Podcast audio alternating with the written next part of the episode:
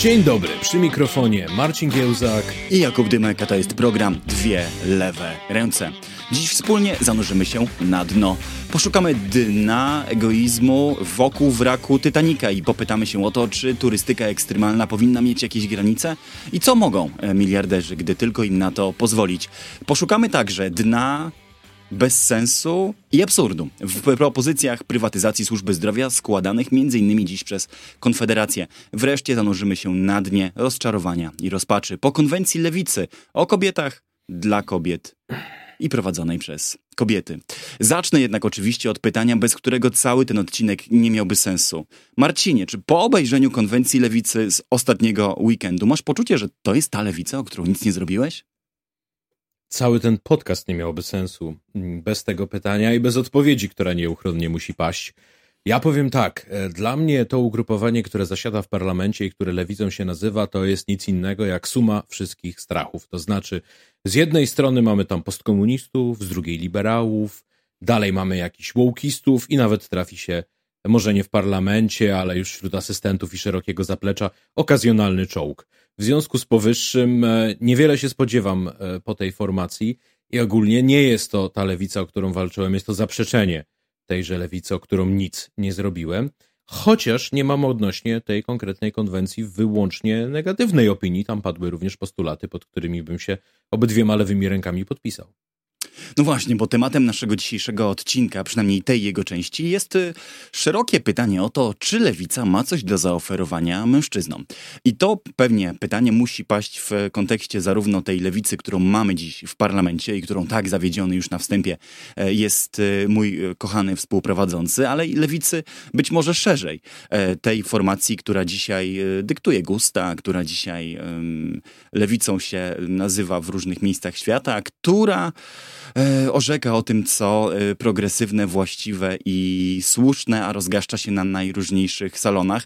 No i wreszcie musimy zapytać o to, czy coś dla mężczyzn ma ta lewica radykalna, ta ukorzeni, ta historyczna, która przecież niegdyś była formacją robotników, e, majstrów, rzemieślników, ludzi generalnie o raczej takim powiedziałbym męskim, genderowym charakterze, a na pewno się od tej męskości nie odcinający robotników po prostu.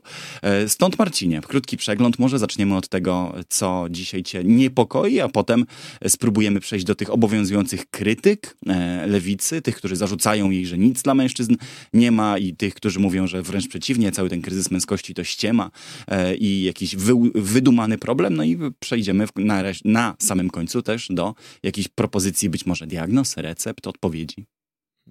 Problem jest realny i mój zawód też jest realny. Co mnie niepokoi? Powiedziałbym, że fundamentalnie to, że polska lewica, ale nie tylko polska, w kwestii męskiej przedstawia dwa perfekcyjnie wykluczające się przekazy. To znaczy, z jednej strony mówi, tonem nieznoszącym sprzeciwu, że płeć to jest konstrukt społeczny, performatywnie kreowany przez dyskurs, płeć nie ma znaczenia, płeć jest kwestią uczucia, można ją zmieniać wielokrotnie w ciągu jednego życia nawet. I to, że jest się nazywanym mężczyzną, to, że przypisano komuś męską płeć w momencie narodzenia, przecież wcale nie oznacza, że zacytuję znaną grafikę partii Razem, że trzeba umieć się bić, że trzeba utrzymywać rodzinę, że trzeba być stoickim, silnym, pewnym siebie, asertywnym. Nic podobnego. No po prostu można być bliżej nieokreślonym człowiekiem jak każdy inny i męskość nie ma tu nic do rzeczy, męskość jest niczym, jest powietrzem. E, ale równolegle słyszymy, że jednak istnieje coś takiego jak toksyczna męskość. Równolegle słyszymy, jak kiedy na przykład ktoś podnosi wątpliwości odnośnie e, służby wojskowej, umierania na froncie, e, pewnych dodatkowych ciężarów, które mężczyźni noszą, czasami bardzo dosłownych, na przykład polskie BHP umocowane w ustawach i rozporządzeniach stwierdza bardzo wyraźnie, że mężczyźni muszą nosić większe ciężary mm, aniżeli kobiety. E, czy muszą pracować w wyższej temperaturze, czy przysługują im niższe racje żywnościowe? I tak dalej, i tak dalej, no to wtedy co słyszymy od lewicy? No słyszymy mniej więcej to, co, e, co twitterowiec szczególnie skrupulatny, czyli Koroluk zebrał, e, czyli największe przeboje posłów i posłanek lewicy, głównie pod hasłem bądź mężczyzną, nie bądź facecikiem, weź się w garść, chłopak nie płacze, mm, ewentualnie, że jeżeli na mężczyzn spadają jakiegoś rodzaju nieszczęścia, no to tu moi faworyci typu poseł Gdula pisali, czy posłanka Senyszyn, że no najwyraźniej sami są sobie winni. Każdy jest kowalem własnego losu, to że mężczyźni częściej popełniają samobójstwa, częściej są bezdomni, mm, e, częściej nie kończą studiów, wynika po prostu z tego, że się do niczego nie nadają i powinni się ogarnąć. Innymi słowy, mamy do czynienia z dość klasycznym przykładem obwiniania ofiary, który tak zwyczajowo kojarzyłbym silniej z Konfederacją. Innymi słowy, nowolewicowa czy lewicowo-liberalna narracja o mężczyźnie upada pod ciężarem własnych sprzeczności. No ja rozumiem, że twój zarzut jest taki, że mamy do czynienia trochę z lewicą obrotową. To znaczy, że gdy kobiecie albo e, przedstawicielowi czy przedstawicielce jakiejś mniejszości dzieje się krzywda, to wówczas lewica widzi systemowe problemy, wielowiekową dyskryminację, zaniedbania państwa lub bezduszność wolnego rynku. W każdym razie ma cały ten aparat pojęciowy, który pozwala tę krzywdę wytłumaczyć. Natomiast gdy krzywda lub jakieś nieszczęście dzieje się mężczyźnie, to ta sama lewica obraca swoją perspektywę na tym ruchomym podłożu, na tej, na tej swojej osi i stwierdza, no cóż, no, niezaradny był, no, albo się nie wziął w garść e, w porę i tym samym e, stosuje dwa różne e, kompletnie zestawy, czy dwie różne odrębne aksjologie nawet do oceniania tego, jak szanse powodzenia, los, życie mężczyzn należy oceniać i jak należy oceniać życie wszystkich tych, którzy mężczyznami w danym momencie nie są. No, nie możemy nazwać problemów mężczyzn chyba dlatego, że w ogóle nie mamy języka którym moglibyśmy o tym mówić, no bo trochę niezręcznie zapożyczać język od innych grup uciskanych, od grup, które mają znacznie gorzej niż mężczyźni, no ale jednocześnie równie niezręcznie, a w każdym razie niepolitycznie jest o tym nie mówić wcale. To jest trochę jak w e, enerdowskim dowcipie, gdzie e, Niemiec enerdówka zostaje zesłany w głąb Związku Sowieckiego, no i mówi swojej rodzinie, że słuchajcie, jeżeli będę pisał do was listy niebieskim atramentem, to znaczy, że mówię prawdę. A jeśli będę pisał listy czarnym atramentem, no to wiecie, że musiałem kłamać. No i wysyła do nich list, e, pisze, że jest to rewelacyjnie, że robota wcale nie jest taka ciężka, że traktują go dobrze, że w sumie można się tutaj urządzić. No, krótko mówiąc, rewelacja. Kończy tylko list twierdzeniem, tylko nigdzie nie mogę dostać niebieskiego atramentu. I trochę tak jest z opowiadaniem o problemach mężczyzn, to znaczy e, jedyny język, jaki mamy, żeby zacząć o tym opowiadać, budzi śmieszność. Nie wiem, u mnie nie budzi, ale ja zacznę. U większości rozmowę. ludzi budzi śmieszność, e, nawet u dobre, lewicowych mm, polityków. A to jest dobre pytanie. To jest dobre pytanie, do którego na pewno dzisiaj wrócimy. Czy my potrzebujemy czegoś, co byłoby polityką tożsamości białych, heteroseksualnych mężczyzn. Ja do tego jeszcze wrócę i proszę o tym pamiętać, ale na początek chciałbym poczynić pewne zastrzeżenie, bo sądzę, że formuła rozmowy, jaką chciałbym zaproponować, zawiedzie egalitarnie wszystkich. Otóż zawiedzie tych, którzy oczekują dwugodzinnej połajanki pod tytułem Lewica mężczyzn nienawidzi, gardzi nami, e, nic dla nas nie ma i ogólnie jest partią po prostu no, odwróconego seksizmu. I do widzenia e, z nimi, a każdy mężczyzna, który głosuje na lewicę, to, i tu pada e, obraźliwe określenie, o mocno pornograficznych, seksualnych konotacjach. Ale w jakimś sensie zawiedzeni będą też ci z drugiej strony, którzy liczyć mogą, że w zgodzie z obowiązującą e, lewicową narracją, poprawnością polityczną i mainstreamową wykładnią problemu powiemy, że kryzys męskości nie istnieje, Mężczyźni mają się świetnie. E, lewica właściwie nie powinna się w ogóle nad tym zastanawiać, bo to, co robi, jest e, trafne, błyskotliwe i poprawne. E, w związku z tym zamykamy, zamykamy temat. Nie ma o czym dyskutować. Faceciki do roboty. Ja proponuję, żebyśmy wyszli poza obydwie te perspektywy, bo ja sądzę, że ani ta taka całościowa krytyka lewicy, jest trochę przesadzona i momentami popada tak, że obawiam się w płaczliwość, gdy niektórzy jej krytycy domagają się właściwie jakiegoś programu dyskryminacji pozytywnej dla facetów, e, albo no właśnie tego programu polityki tożsamości dowartościowującej mężczyzn tylko za sam fakt tego, że żyją. Moim zdaniem to idzie za daleko, no ale także za daleko idzie na pewno w środowiskach tej wołkistowskiej e, lewicy, e, tej tak naprawdę prawdę mówiąc, neoliberalnie progresywnej kliki, której lewicową nazywać nie należy. Za daleko idzie retoryka w drugą stronę. Retoryka tego, że mężczyzn nie spotykają e, żadne nieszczęścia i też, że w ogóle dyskutowanie o tym, jakoby e, partie polityczne musiały się zastanowić nad tym, czy mężczyznom cokolwiek się należy, było seksizmem samym w sobie. Także tak chciałbym tutaj ustawić szale tej dyskusji. Jak to widzisz? Pasuje mi to, e, bo rozczarowywanie wszystkich równo jest jedną z naszych wizytówek. Ja bym... Prawdziwie, prawdziwie lewicową podca- e, postawą godną podcastu. Kontrariańską. Tak. E, wiesz, ja bym zapytał, jaka jest geneza tego problemu, a według mnie geneza mhm. jest niemalże mm, marksistowska w, swoim, w, swojej, w swojej prostocie, a jednocześnie mm, w, w swojej klarowności. To znaczy przez nie jestem w stanie powiedzieć, ile lat, stuleci, a może nawet tysiącleci było tak, że mężczyzna, który miał dwie ręce, mocne plecy i głowę na karku, e, głodny nie chodził, dlatego, bo mm, był w stanie zarobić na życie, nosząc ciężary, wykonując, wykonując ciężką fizyczną pracę, która dawała mu także poczucie tego, że jest potrzebny, a może nawet niezbędny, że utrzymuje rodzinę i że jego egzystencja generalnie ma sens. W obecnej gospodarce i społeczeństwie bardzo silnie opartych na wiedzy, bardzo dowartościowujących umiejętności miękkie, mm, bardzo dowartościujących kompetencje, które nie wynikają, nie wymagają absolutnie żadnej siły fizycznej, całe mnóstwo mężczyzn stało się zbędnych i zostało pozbawionych nie tylko możliwości zarobkowania i jakiegoś takiego marzenia o tym, że kiedyś robotnik w bogatych krajach zachodu mógł sobie pozwolić na dom i samochód, um, tylko został sploretaryzowany, zdeklasowany, a bardzo często też upokorzony. Um, I mężczyźni mają ogromny problem, żeby w tych nowych realiach kognitywnej gospodarki się odnaleźć. I mają także ogromny problem, żeby odnaleźć się w realiach, w których i równocześnie błyskawicznie po szczeblach kariery w tejże gospodarce pną się kobiety, e, mają problem, żeby sobie poradzić z rosnącymi oczekiwaniami kobiet i mają problem, żeby sobie poradzić z popkulturą, a może nawet z kulturą, dla której biały, heteroseksualny młody mężczyzna stał się punchlinem, stał się puentą każdego żartu. To ja zakładam tu kapelusz kulturoznawcy, podejmę ten wątek w miejscu, w którym ty go skończyłeś, bo moim zdaniem, choć marksistowska wykładnia problemu e, nie jest błędna, to trzeba uzupełnić ją o diagnozę e, socjologiczno-kulturową. Otóż, Teraz wchodzi Gramsci. Zawsze. Dokładnie. Po Marksie zawsze, Gramsci. Zawsze, bezbłędnie. Otóż gdzie nie spojrzymy e, w społeczeństwach Zachodu, ale w Polsce być może przede wszystkim, dostrzegamy pewien fenomen. Polityka polaryzuje się po linii płci. Kobiety głosują raczej na lewo, mężczyźni głosują raczej na prawo. W niektórych społeczeństwach to nawet się z każdą kadencją czy z każdym cyklem wyborczym zaostrza.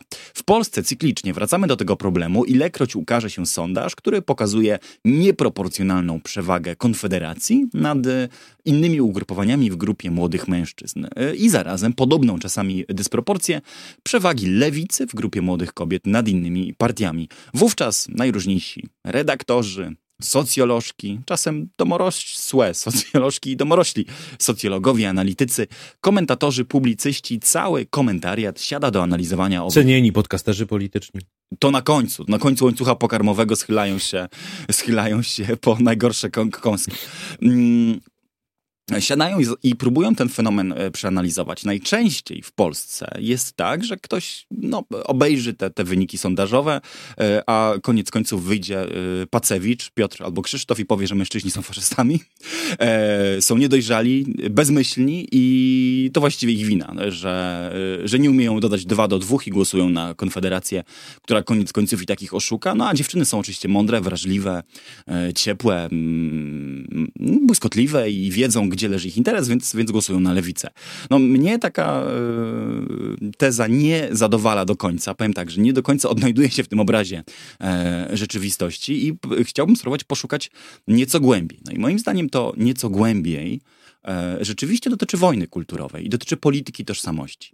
Otóż nie jest przypadkiem, że w Polsce kobiety głosują na lewicę, a mężczyźni na konfederację, gdy lewica określa się już tak naprawdę w tym momencie jako partia kobiet, a Konfederacja jako partia mężczyzn. Zgadzasz się do, tej, do tego momentu?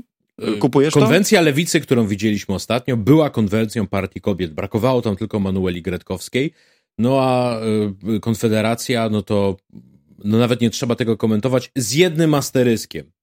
E, to znaczy badania, które zostały wykonane dla Okopres, wskazujące na to, że rośnie poparcie młodych kobiet e, dla Konfederacji.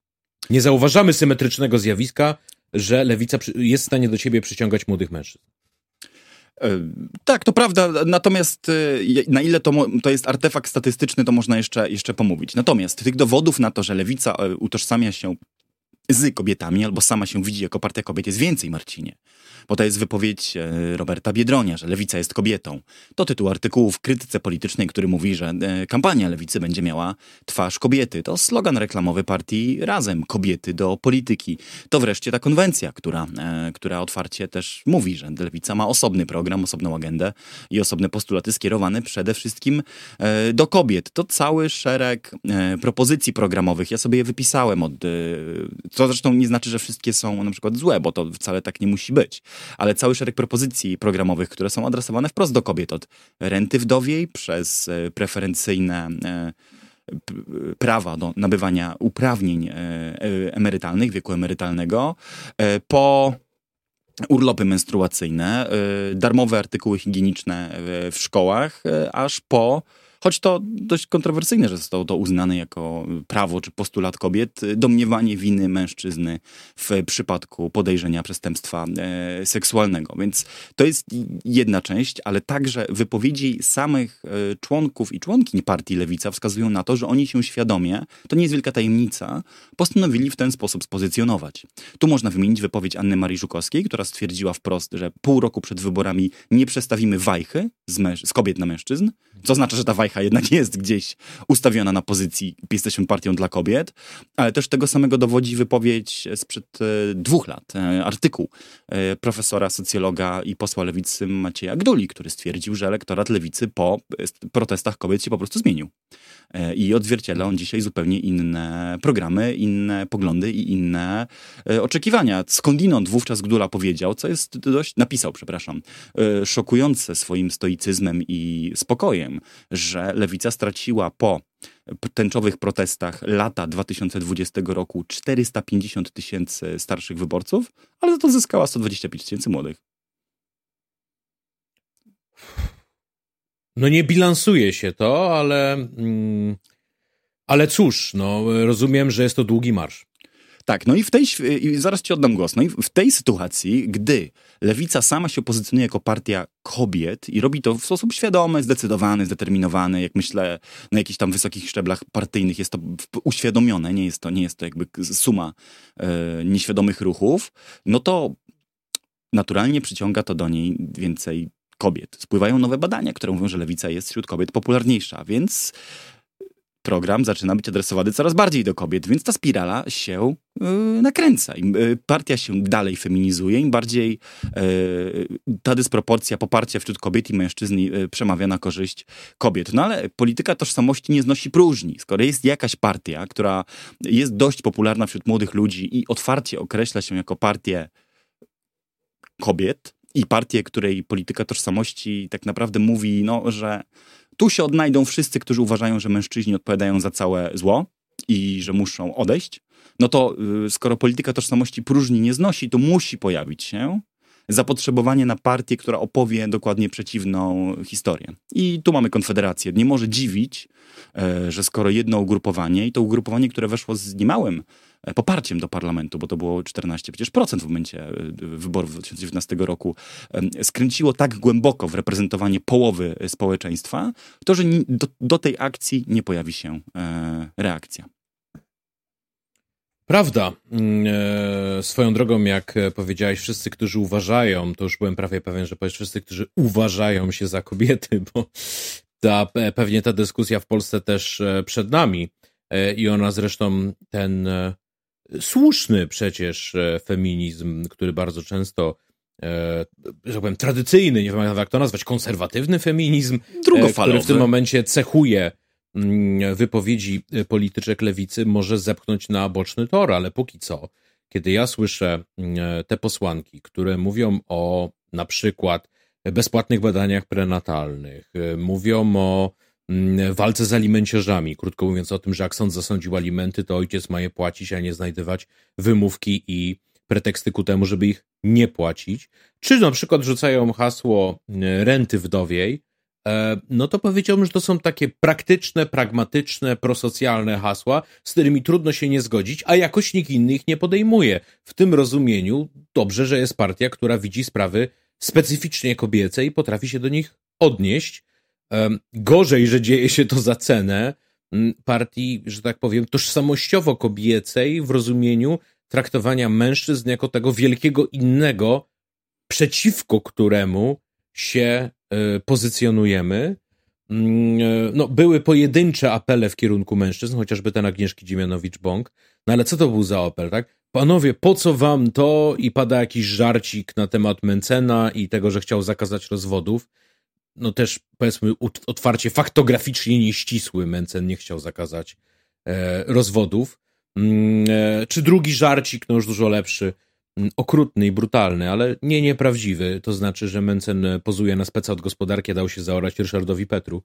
Mm, e, natomiast no, to nie jest ton który szuka równowagi, to nie jest podejście, które próbuje powiedzieć, patrzcie, mamy coś dla kobiet, mamy coś dla mężczyzn. Dla kobiet mamy bardzo konkretne propozycje, które przekładają się na ich portfele, na ich godność, na ich życia, e, na, na, na ich codzienność. Dla mężczyzn mamy e, prowokacyjne żarty.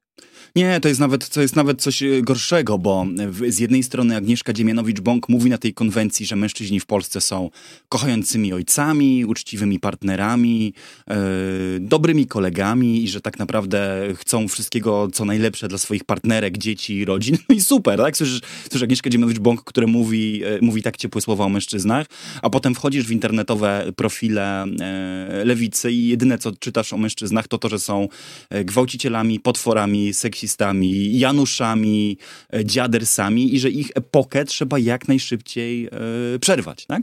Zresztą ta konwencja wyrażała to dość e, wprost. Po prostu, że kształt polskiej polityki, skądinąd to nie jest fałszywa diagnoza, tak? ale że kształt polskiej polityki jest jaki jest, bo rządzą nami starzy faceci. I dopiero ich wymiana zagwarantuje nam jakiś lepszy, bardziej inkluzywny, demokratyczny, progresywny charakter polskiej sceny politycznej. To nie jest nieprawda tylko z tego, że ta diagnoza jest ogólnie słuszna, nie wynika jeszcze fakt, że y, tak prowadzona polityka y, tożsamości jest toksyczna. To znaczy, nie można na jednym oddechu, tak jak zrobiła to Dziemianowicz-Bąk, powiedzieć, że, my, że uważ, tak naprawdę uważamy, że mężczyźni e, są kochający, fajni, e, uczciwi, nic do nich nie mamy, tylko że całą naszą agendę, tak naprawdę polityczną, budujemy wokół tego, żeby te kobiety przed facetami chronić, e, żeby jak najbardziej je od tych mężczyzn odseparować, żeby generalnie przebudować w ogóle polskie państwo tak, żeby kobiety mogły czuć się w nim bezpiecznie, bo dopóki jeszcze żyją w Polsce jacyś mężczyźni Polacy, to kobiety bezpiecznie czuć się nie mogą. No i to tworzy mhm. wrażenie e, koszmarnej nie, niespójności. A gdy spojrzeć w internetowe reakcje, no to można zauważyć, że naprawdę to wszystko jest ściśle odnotowywane. E, I że są takie no, subkultury męskie, które będą tego rodzaju wypowiedzi dzierżyć niczym tarcze niczym mhm. odznakę honorową, niczym e, trofeum. Pokazywać tak, dokładnie tak jest. No nie chcą nas, tak? Chcą, chcą nas wyeliminować. To jest jakaś seksmisja. Uważają, że polityka polepszy się wyłącznie, gdy my z tej polityki wykluczymy połowę e, spo, społeczeństwa, to jest mężczyzn.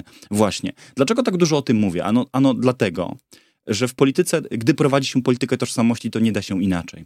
Otóż ja, cały, ja często odwołuję się do tego pojęcia polityka tożsamości. Dzisiaj mamy chwilkę czasu, żebym ja mógł je zdefiniować, jakie rozumiem i dlaczego tak często o tym wspominam. Otóż moim zdaniem polityka tożsamości to jest takie widzenie świata, które zakłada po pierwsze, że życie społeczne jest grą o sumie zerowej, Czyli, że gdy wiedzie się lepiej mężczyznom, to kosztem kobiet, gdy wiedzie się lepiej białym, to kosztem czarnych, gdy wiedzie się lepiej e, dowolnej grupie społecznej, to tylko dlatego, że wcześniej ta grupa społeczna stłamsiła, pognębiła i e, wypchnęła na margines inną. E, I tak, to, i, tak to, I tak to działa zresztą w dwie strony, bo są ludzie, którzy uprawiają taką politykę tożsamości, która, która zakłada, że właśnie źle się wiedzie heteroseksualnym, na przykład białym mężczyznom, właśnie dlatego, że kobiety już zadbały o to, żeby ich, żeby ich wykluczyć z tego, z tego podziału tortu, albo nie wiem, że gorzej się wiedzie Polakom, bo wszystkie pieniądze idą na Ukraińców. To polityka tożsamości nie musi być lewicowa, działa w dwie strony.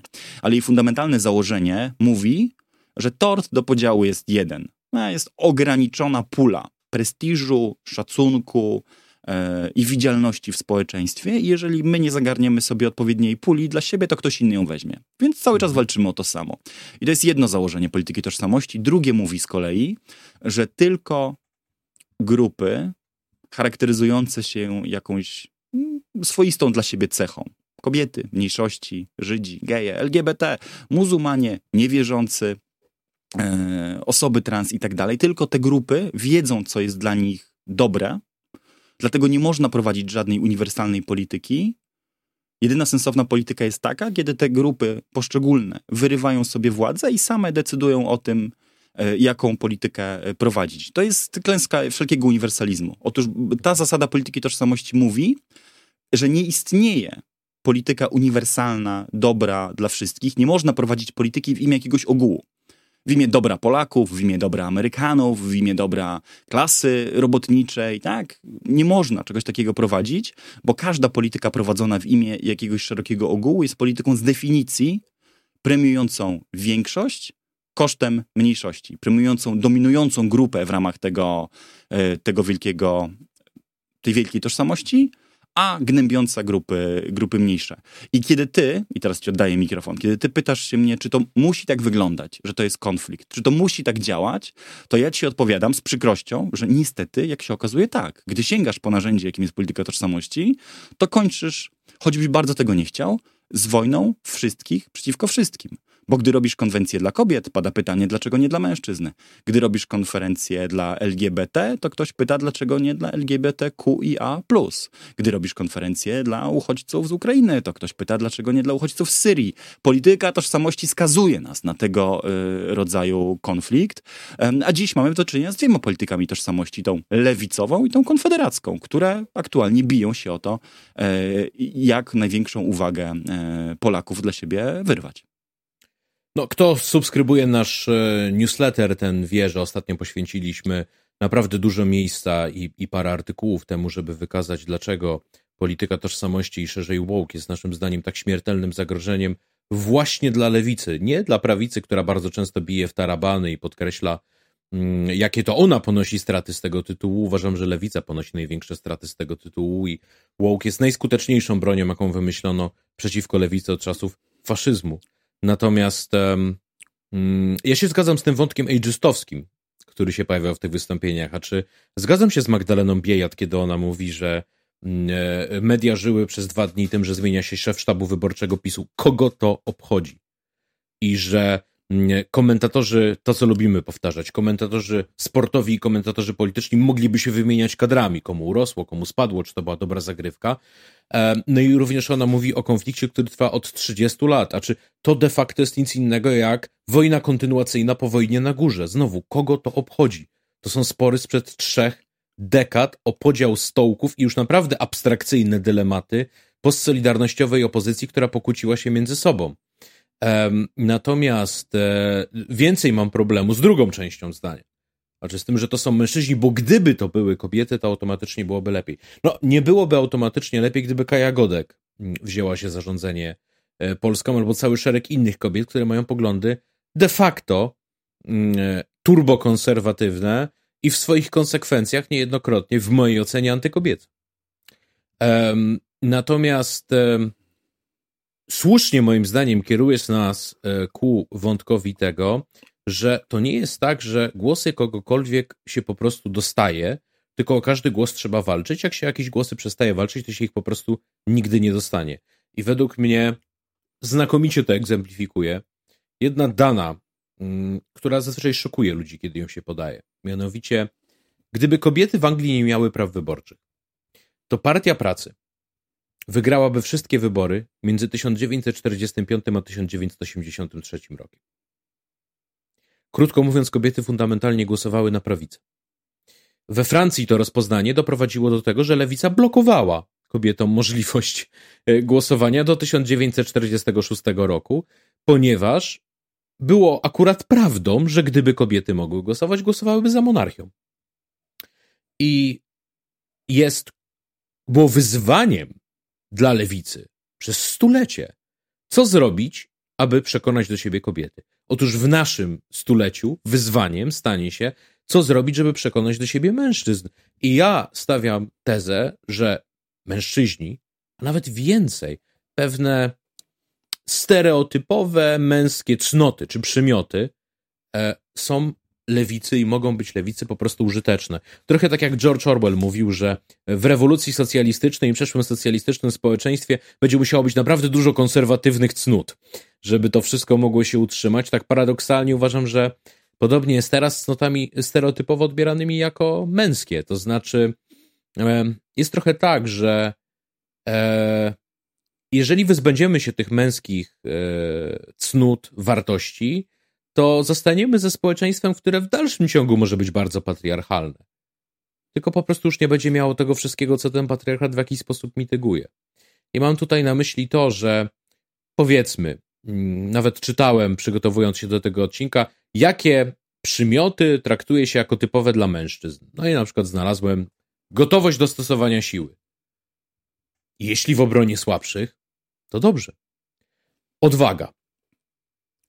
Jeśli w głoszeniu niepopularnych opinii, sprzeciwstawianiu się władzy, przeciwstawianiu się status quo, to dobrze. Samoopanowanie. Jeśli w debacie z konfederatą w studiu telewizyjnym, to dobrze.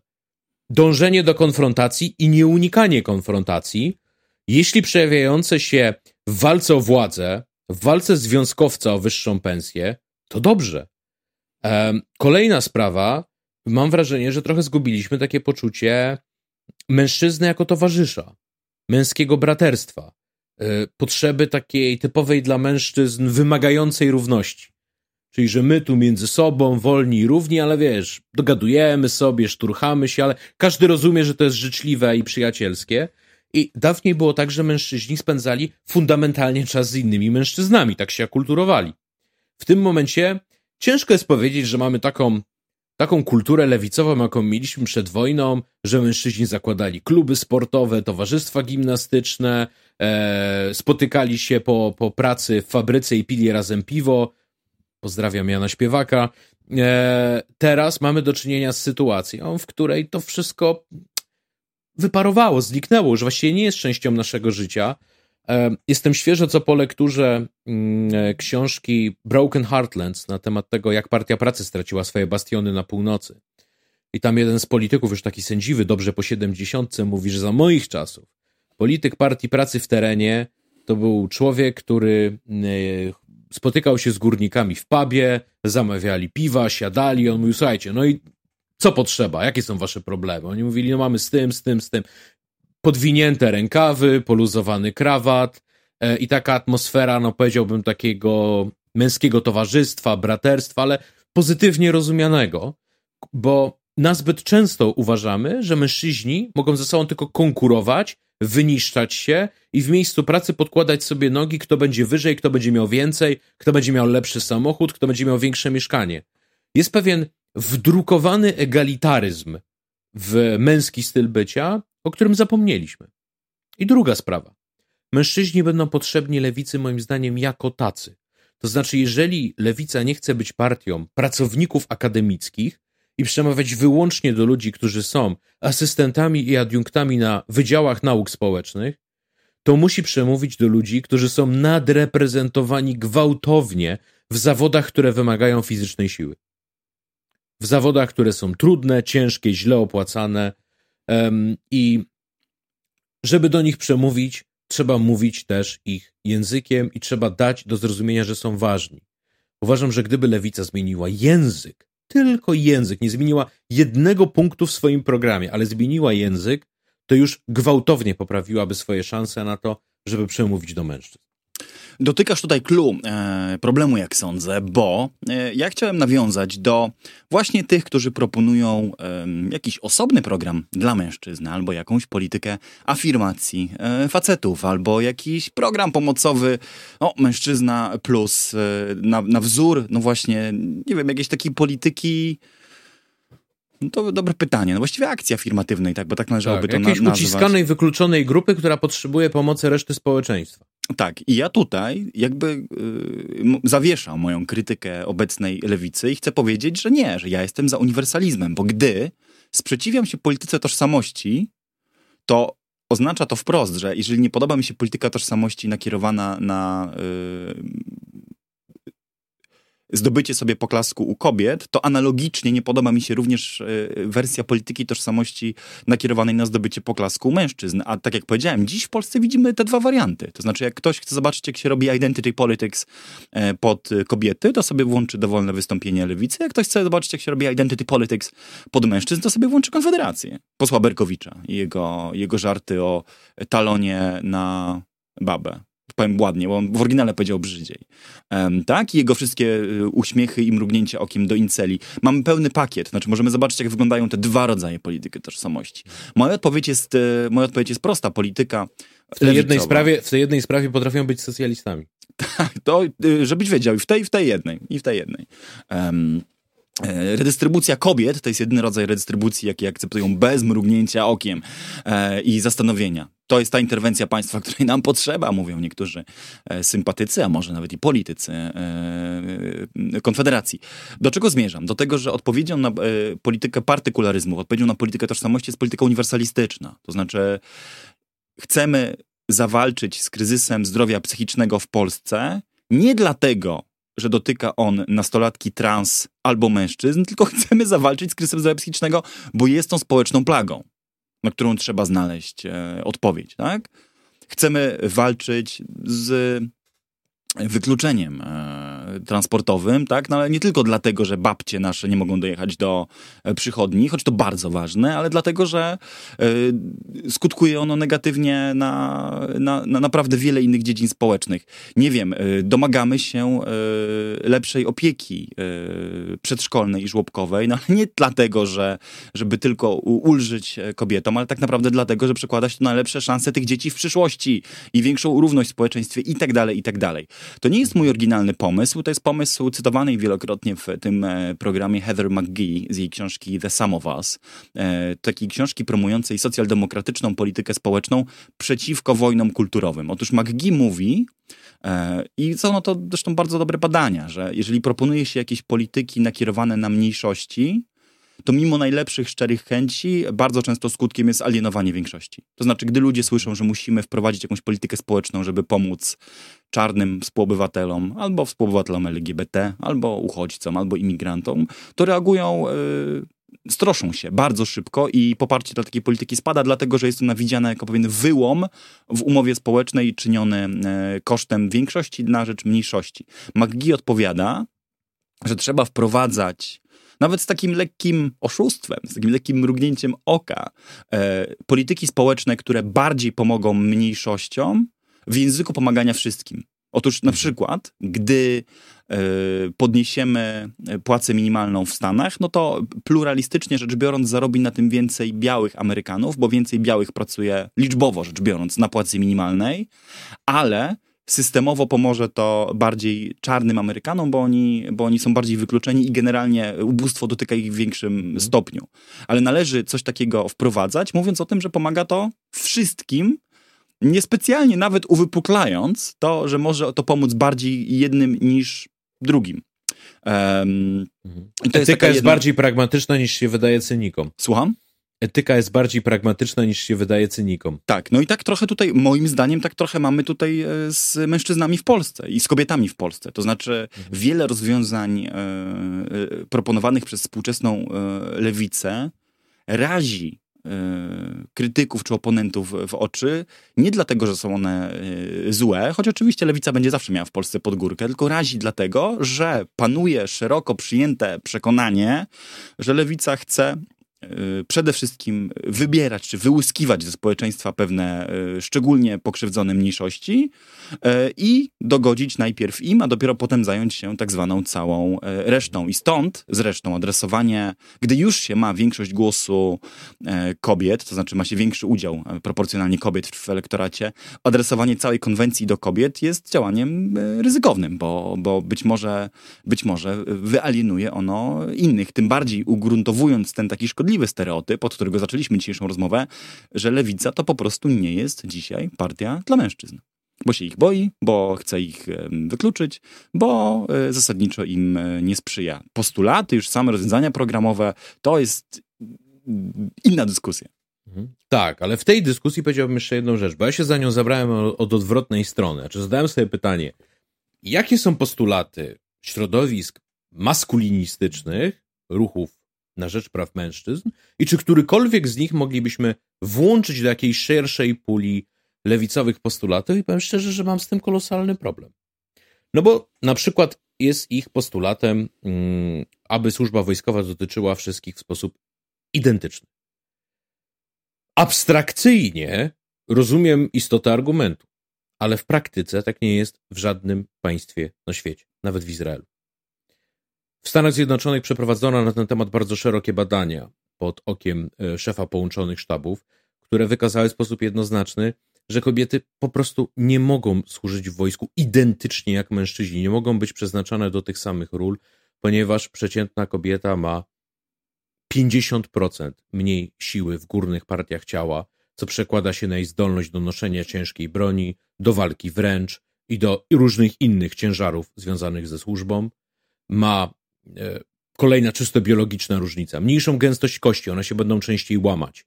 Na przykład w czasie walki, w czasie upadku z dużej wysokości. Um, wiemy także, jaka jest różnica i nie trzeba tu szczególnej wyobraźni kiedy chodzi o mężczyznę wziętego do niewoli przez wrogą armię i kobietę wziętą do niewoli przez drogą armię. Jako, że mężczyźni to wiedzą, ponoszą szczególne ofiary na rzecz tego, żeby kobieta nie dostała się do niewoli. Tym samym mm, armia ponosi szczególne straty ludzkie, których nie poniosła, gdy, gdyby chodziło o mężczyznę. I jest jeszcze cały szereg innych rzeczy, na które w tamtych raportach zwracano uwagę, które mają charakter, jakby tego nie próbować okręcić, obiektywny. E, mało tego, mm, przechodzimy do kwestii dużo bardziej codziennej, czyli odmienne standardy, jeżeli na przykład chodzi o bezpieczeństwo i higienę pracy. No, dla przykładu, mężczyźni muszą nosić większe ciężary, czy mogą pracować w wyższych temperaturach. No, znowu, powiedziałbym, że jest to pewnego rodzaju umowa społeczna osadzona w biologicznej rzeczywistości. Mężczyźni są w stanie nosić większe ciężary, w związku z powyższym powinni. No, może jeszcze raz zacytuję Marksa, skoro raz nie wystarczyło. Od każdego wedle możliwości, każdemu wedle potrzeb wydaje się być zasadą, z którą jesteśmy w stanie jakoś funkcjonować w społeczeństwie i pchać do przodu nasze wspólne sprawy, a nie tworzyć abstrakcyjną zasadę, że jeśli mężczyzna nosi 30 kilo, to kobieta też może musi nosić 30 kilo, albo odwrotnie, jeśli kobieta może nosić maksymalnie 12, to obniżmy rosłym bykom, którzy pracują na magazynie do 12.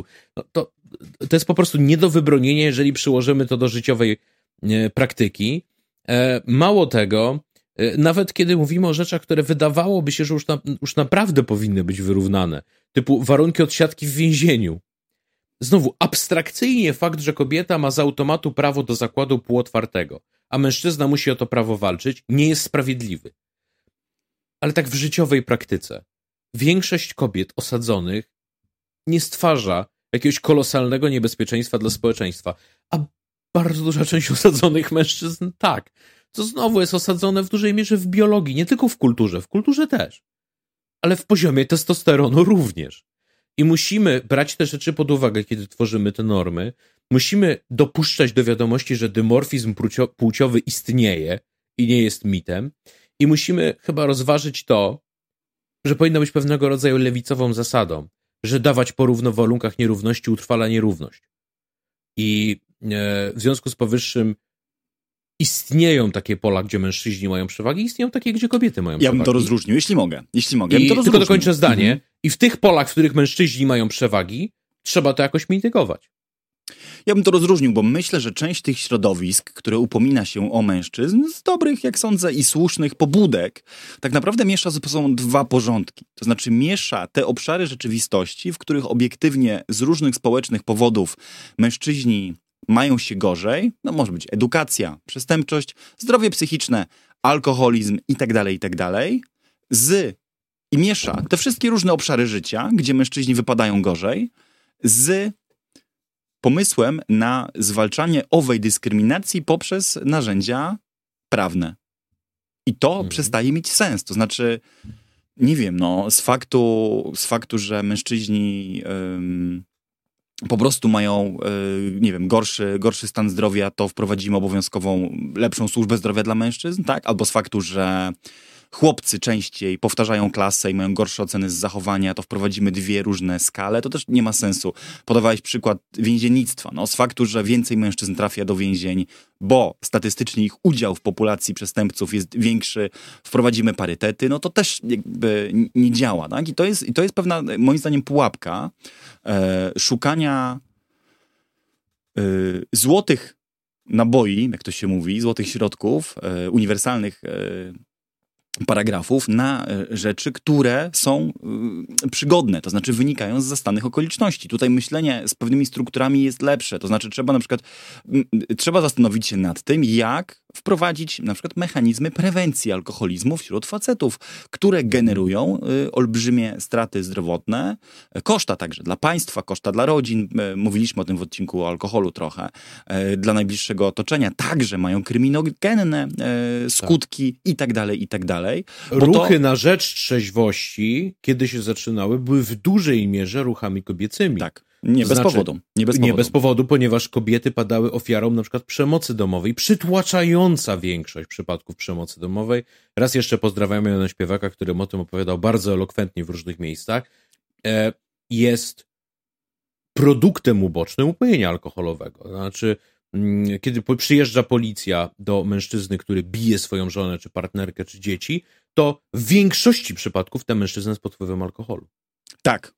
Y, I to nie jest kwestia przeszłości, mój drogi, to jest jak najbardziej teraźniejszość. Tak. E, I tu jest wyzwanie do prowadzenia prawdziwie e, odważnej i też wcale niełatwej polityki. Bo, cóż, próba siłowego zabrania tego alkoholu skończy się paniką moralną i kolejnym odcinkiem wojny kulturowej. Tak? Chcą coś zabierać miejskie paniczyki, no tutaj albo miejskie paniusie, tutaj chcą przyjechać na polską prowincję i normalnym, zdrowym chłopom fla, flaszkę, flaszkę zabrać. Tak, no to się skończy... No bo oni się, tylko sojowa lata. Tak, i to się skończy, to się skończy dramatem. Z drugiej strony bagatelizować e, problem też nie można.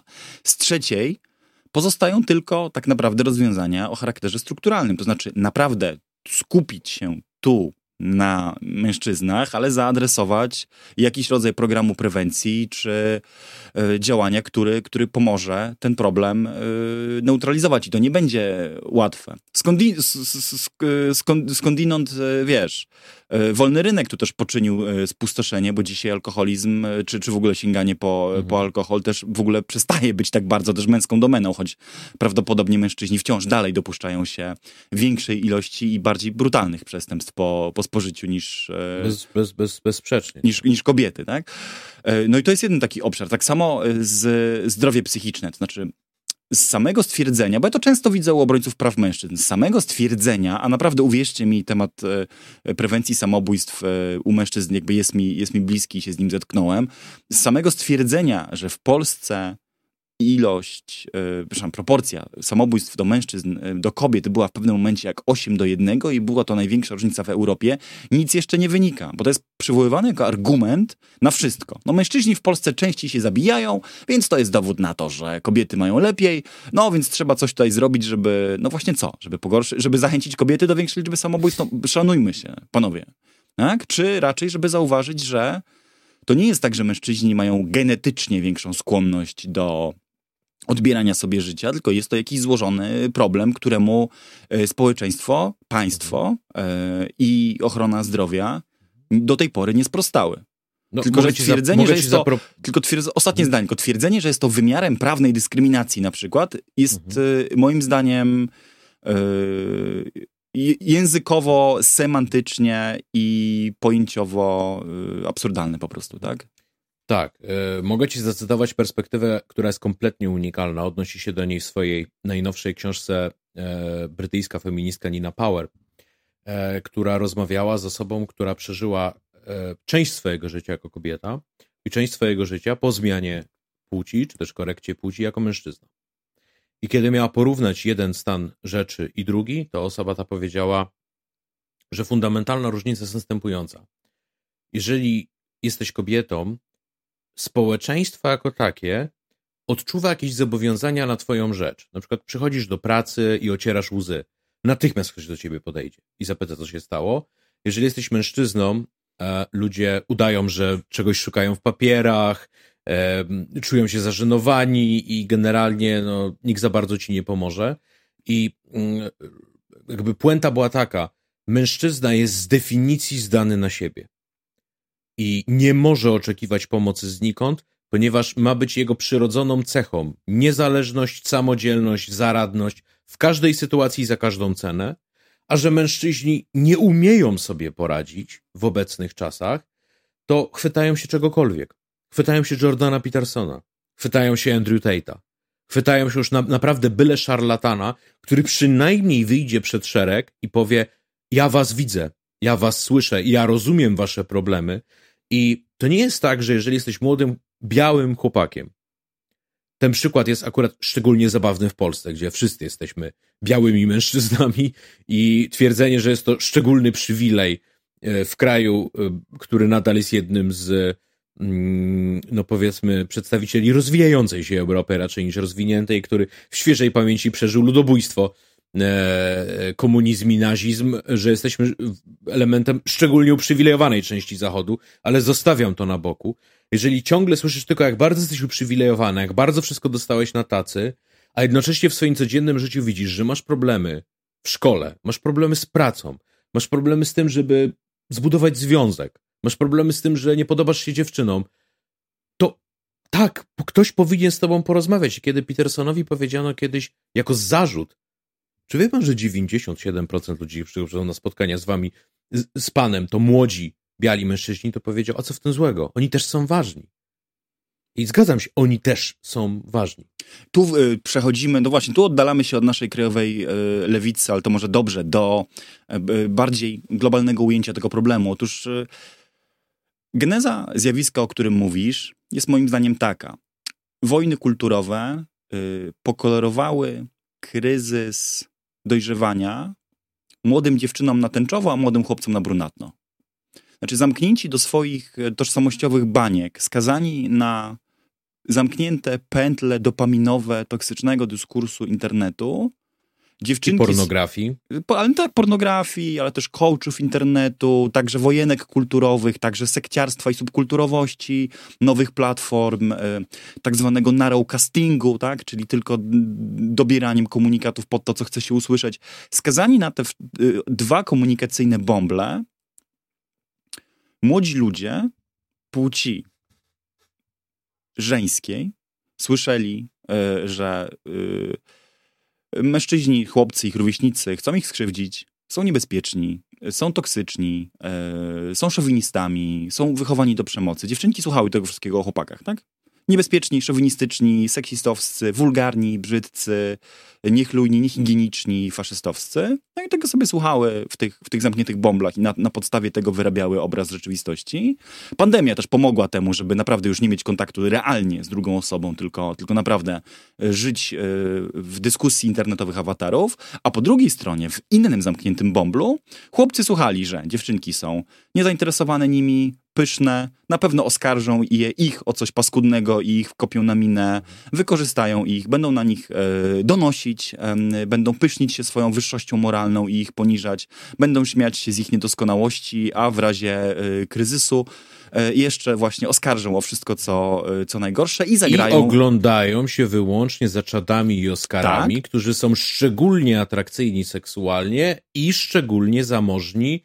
Krótko mówiąc, e, cieszą się uprzywilejowaną pozycją, która dla ciebie, drogi e, red pilowcu, black pilowcu jest niedostępna i dlatego tak żyjesz. Tak, yy, tak. No i to, ale wiesz, to poskutkowało tym, że dokładnie, zanim jeszcze młodzi ludzie mieli okazję zaznać miłości, inicjacji seksualnej, poznać, zanim mieli okazję poznać drugą osobę i się w niej e, zakochać lub zauroczyć, zanim oni jeszcze mieli te pierwsze doświadczenia za sobą, to już byli zindoktrynowani w dwóch przeciwległych ideologiach. Znaczy mężczyźni tak, w red pilu albo black pilu, który mówił, że kobiety ich nienawidzą, e, gardzą nimi i się tylko z nich będą e, śmiać, no a dziewczynki w ideologii, nie wiem, kultury gwałtu, tak, czy E, radykalnego, tożsamościowego, współczesnego feminizmu, który też się uczył, że właściwie po facetach nie można się niczego dobrego spodziewać. Więc zanim y, tych młodych ludzi jakkolwiek życie mogło socjalizować do współżycia, w każdym sensie tego słowa, z innymi,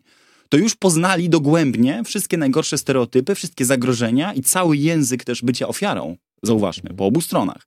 Cały tak. język bycia ofiarą, który się z tym wiąże. Więc mieli aparat, żeby nazwać swoją krzywdę, natomiast nie mieli aparatu, żeby nazwać swoje szczęście. Mhm. Tylko widzisz, ta wykoślawiona narracja jest o tyle potężniejsza, że zawiera w sobie elementy prawdy, która jest niezaprzeczalna. To znaczy, kiedy mówi się młodym dziewczynkom, no, uważajcie na tych chłopaków. Tak, uważajcie. To znaczy, y, każda rewolucja wymaga ofiar, nawet słuszna rewolucja. Rewolucja seksualna, co do zasady, przyniosła bardzo wiele dobrego. W tym dla kobiet. Ale miała też swoje ofiary i y, ofiarami rewolucji seksualnej nie byli mężczyźni. Ofiarami rewolucji seksualnej były kobiety. Co zresztą e, zrobię, zrobię left komendację przed left komendacją. E, Louis Perry w swojej książce The Case Against Sexual Revolution znakomicie to opisuje. Gdzie jest dyskusyjna teza. E, kobiety, jasne, że jest dyskusyjna, ale no, Nie, dyskusyjne każda. tezy są tymi, które tu przytaczamy najchętniej. Że naprawdę było normą. Jermaine Greer też o tym mówiła ze znanych feministek, że kobiety potrafiły nazwać molestowanie seksualne czy wręcz gwałt naprawdę słabym seksem, bo w pewnym momencie straciły język nawet, żeby mówić o, e, o tym w innych kategoriach. E, doszło do pewnego wykoślawienia i mężczyźni nadużywali rewolucji seksualnej e, na różne sposoby i pewne tradycyjne ochrony kobiet przed łapczywością seksualną mężczyzn przestały obowiązywać. W dawnym społeczeństwie ich żądze byłyby powściągnięte przez różne konwencje, konwenanse, zakazy, nakazy i tak. E, to nie było rzeczywistością przez kolejnych e, kilkadziesiąt lat i też obydwie płcie musiały się odnaleźć, tak? Znaczy, rewolucja nie pozostawia za sobą dziedzica, pozostawia za sobą wdowę w ciąży. Ale jest też odrobina prawdy w tym, co się mówi mężczyznom, to znaczy nie da się zaprzeczyć faktowi, że kobiety mają bardzo silną tendencję do hipergamii, krótko mówiąc, do tego, że fundamentalnie rozglądają się za mężczyznami o wyższym statusie społecznym. I ten status społeczny może być różnie rozumiany. To nie musi być tylko status majątkowy, jakby najgorszy Black Pillowiec opowiadał. To może być charyzma, to może być e, fakt, że jest ujmujący, mm, e, to może być fakt, że przeprowadziła się do obcego kraju, ona jest imigrantką, jej pozycja jest taka chybotliwa, no a tu jest ktoś stąd, osadzony w tym kontekście i tak dalej. To są najróżniejsze gry się tutaj odbywają, no ale mają one wspólny mianownik, to znaczy ten, że jeżeli jesteś tym nieatrakcyjnym, niezamożnym, niecharyzmatycznym i tak dalej, to znajdziesz się w grupie mężczyzn, którzy nie to, że nie mają zbyt wiele partnerek, nie mają żadnej partnerki, a wszystko to podkręciło, a czy dopięło wzmacnia, czy odkręciło go na jedenastkę, e, to, że mamy obecnie do dyspozycji media społecznościowe i aplikacje randkowe. To znaczy na Tinderze, naprawdę tak jest, że 20% najatrakcyjniejszych mężczyzn umawia się z 80% kobiet, a większość mężczyzn siedzi i nie może się umówić z nikim. Nie takie były realia w czasach, kiedy w, w małym miasteczku generalnie poznawałeś dziewczynę z klasy albo córkę sąsiada i ona miała bardzo mały wybór. Ona nie mogła przebierać za bardzo w mężczyznach, jeszcze bała się staropanieństwa. Marcin, Marcin. I mężczyźni mieli pewnego rodzaju nieuczciwą przewagę. Marcin. Kiedy im tą nieuczciwą przewagę odebrano, ciężko się teraz wszystkiego nauczyć w jedno pokolenie. Marcin, to zdecyduj się, czy kobiety przegrały, czy wygrały na tej seksualnej rewolucji. Czy jest tak, że teraz są ofiarami, czy jednak, że mogą przebierać w facetach Wygrały. Kobiety szukać, wygrały na seksualnej rewolucji. I szukać, ja i szukać ja, i, tylko partnerów wygrały na z tych top 20%. Kobiety wygrały na seksualnej rewolucji, tak jak my generalnie, jako zachodnia cywilizacja, wygraliśmy moim zdaniem na cywilizacji angielskiej, francuskiej i amerykańskiej. E, natomiast po drodze przelano dużo krwi i każdy z tych krajów przerobił de facto wojnę domową.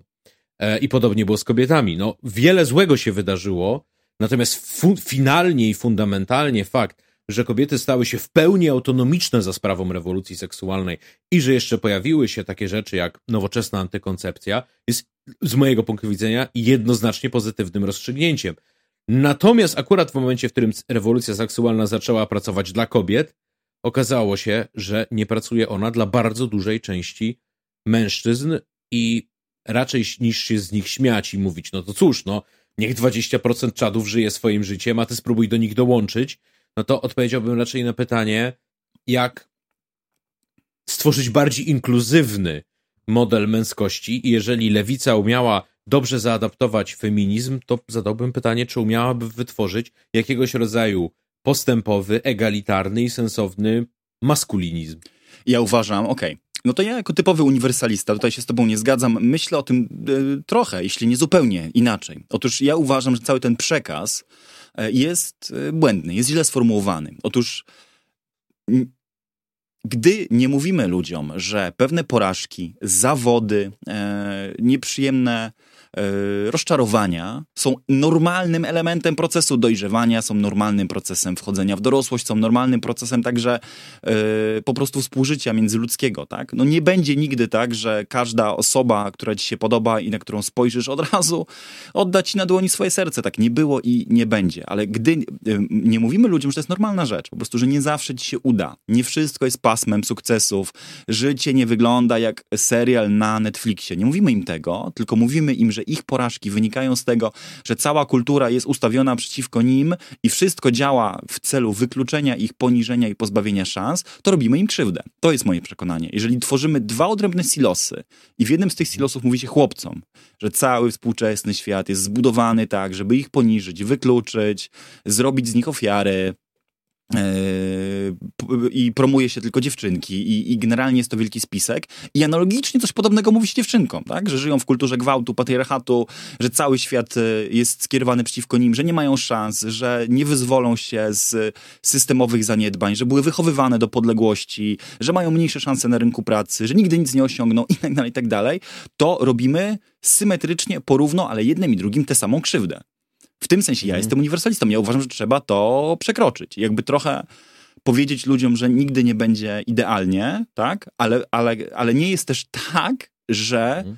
ktoś, jakiś zły, nie wiem, patriarchat, zły kapitalizm, zły woke, jakkolwiek chcemy to nazywać, tak wymyślił cały porządek rzeczy, żeby wyłącznie rzucać wam kłody pod nogi.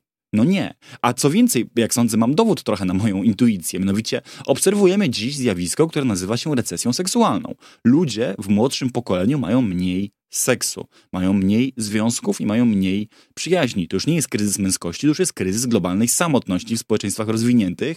Co więcej, kryzys, który koincyduje, współistnieje z szokująco wysokimi poziomami dysatysfakcji z życia, poczucia bezsensu wokół siebie, yy, braku, yy, po, braku jakiejkolwiek radości też, też z życia i w ogóle ciekawości innych ludzi, który jest rejestrowany wśród nastolatków, połączonych z głęboką niepewnością własnej tożsamości, także tożsamości yy, seksualnej i wysokimi poziomami depresji mhm. oraz myśli samobójczych. To wszystko współistnieje naraz. No i teraz moja odpowiedź, znaczy moja intuicja jest trochę taka, no tak, to znaczy, to okazało, okazało się, że polityka wojen kulturowych i polityka tożsamości w y, zaawansowanym kapitalizmie i bańki mediów społecznościowych zgotowały tym młodym ludziom piekło. A zarazem nie tylko młodym ludziom, bo ja, ja jestem znany z tego, że nie fiksuję się jakoś bardzo, bardzo na młodych, tylko staram myśleć bardziej szeroko, zgotowały piekło nam wszystkim. Um, I stąd trzeba trochę z tego, z tej mechaniki y, wyjść. Bo, no mówię, bo mamy, bo to jest dowód na to. To znaczy, to jest, Marcin, to już jest dowód na to, że ta ideologia, to co jej się udało, to maksymalnie obrzydzić ludziom kontakty ze sobą nawzajem i zamknąć i przekonać ich, ja też to pisałem o pandemii, znaczy zamknąć ludzi w takich bąbelkach, w których mówisz im, że tak, y, seks jest na Pornhubie, jedzenie z dowozem na telefon, y, przyjemność w wirtualnej rzeczywistości, kontakty y, na Zoomie, wszystko jest online. Nie wychodź człowieku na zewnątrz, bo generalnie kontakt z drugim człowiekiem jest niebezpieczny. Mhm. On cię zarazi wirusem, Zgoda. on ci zrobi krzywdę, hmm, on cię e, o coś... Mikroagresję jakieś. Mikroagresję wobec ciebie wykona, tak, tak, tak. Dopuści się jakiegoś aktu właśnie e, mikrozbrodni różnej, albo, albo ci na przykład pełna, coś pomówi. Pełna zgoda, tylko widzisz, ja bym chciał, żeby było w tej mierze może jestem e, uniwersalistą strategicznym i tożsamościowcem taktycznym że mm, i to będzie moje ostatnie zdanie w tej kwestii, bo chętnie, żebym przechodził do kolejnego tematu, że, że dla mnie takim dobrym, dobrym lewicowym podejściem do tematu byłoby, że jak masz właśnie chłopaka, który jest młody, który sobie nie radzi, który mówi, że w sumie to no, nie wie, jak ma się ogarnąć, nie wie, od czego ma zacząć, czy wiesz, jak śpiewał Morrissey, nie? Kiedy chcesz zacząć żyć, to od czego masz zacząć? To, to, że wiesz, pojawia się po prostu trzech lewicowych czadów i mówi, no nie wiem, chodź z nami na siłkę, no a czy to wiesz, nie przejmuj się, że nie umiesz. My też nie umieliśmy na początku, nikt nie umie na początku. Tym się cechuje początek. Nie wiesz, jak możesz zagadnąć do dziewczyny, wiesz, mamy tutaj paru takich, co umieją, no i po prostu odważ się, dostaniesz pięć razy kosza, za szóstym razem może coś z tego będzie. Jest dziewczyna w klasie, w której się tam podkochujesz, zobacz co będzie, odezwij się do niej. Szczerze, z szacunkiem i tak dalej. Nie słuchaj Andrew Tate'a w ogóle, wiesz, nie idź w te bzdury, nie słuchaj tych szarlatanów. Tak, nie? odkleić się Pogadaj od z coachów, kolegą z osiedla, który jest równym gościem i który ci powie, e, że generalnie kobiety nie szukają Andrew Tate'a, nie? I, e, i, I że jest inna Marcin, droga, jest Marcin. inna ścieżka. I uważam, że tego po prostu nie ma. To znaczy, czy my mamy naszego Jordana Petersona? Nie mamy, powinniśmy go mieć. E, jedyne kobiety, które dziś szukają Andrew pracują w rumuńskiej policji. Ale ja nie, nie, nie dam ci uciec tak łatwo. e, Nie dam ci tak łatwo, bo nie odpowiedzieliśmy na zasadnicze pytanie, znaczy ja jeszcze nie odpowiedziałem, co lewica na to, czy co my o lewicy i jakie są te wzory męskości, więc y, wiem, że czas nas goni, więc jakoś się z tym po- uporam szybko. Moja odpowiedź brzmi, nie dla specjalnej polityki tożsamości dla e, facetów, czyli nie domagam się osobnej konwencji lewicy dla chłopaków, natomiast domagam się, e, jeżeli mogę się czegoś domagać, e, e, porzucenia tego języka e, pogardy, tego śmieszkowania, tego mm, jednak całkiem bezzasadnego trochę dokuczania facetom z pozycji mieliście dobrze, to teraz się e, to teraz się pomęczcie. A to było w wielu przekazach lewicy w ostatnich latach bardzo jednak obecne. Tak? Takie przekonanie, że jeżeli mężczyzn spotyka jakakolwiek krzywda, współcześnie niesprawiedliwość lub niegodziwość, to tylko i wyłącznie jest to skromny akt y, redystrybucji cierpienia za 5000 lat y, patriarchalnych męczarni, które zgotowali kobietom. I w tym sensie jest takie transhistoryczne, okropne schadenfreude u części lewicowych działaczek, które mówi, że no tak, no skoro przez 5000 lat nas gnębili, to że dzisiaj któregoś z nich spotka jakaś choćby nawet niezasłużona krzywda, to jest to tylko malutki akt historycznej, dziejowej sprawiedliwości, a gdzie rewolucja, y, tam muszą być i ofiary, choćby y, niewinne. I to jest jeden postulat, żeby mm, po prostu, no, jeżeli nie można sformułować jakiegoś y, programu, który by mężczyzn do tej partii przekonał, czy tego środowiska przekonał, a to widzimy, że już ma miejsce, bo widzimy sondaże, to chociażby ich jednak nie obrażać, no i nie, wcierać soli w otwarte rany i nie wywyższać się, czy nie odtwarzać e, stereotypów. I to jest, mój, to jest mój postulat do lewicy. Druga rzecz dotyczy, i tu będę się streszczał, tego, o czym ty trochę wspomniałeś, czyli pozytywnych wzorców. Bo ja mam wrażenie, że prawica też odpuściła pozytywny wzorzec męskości.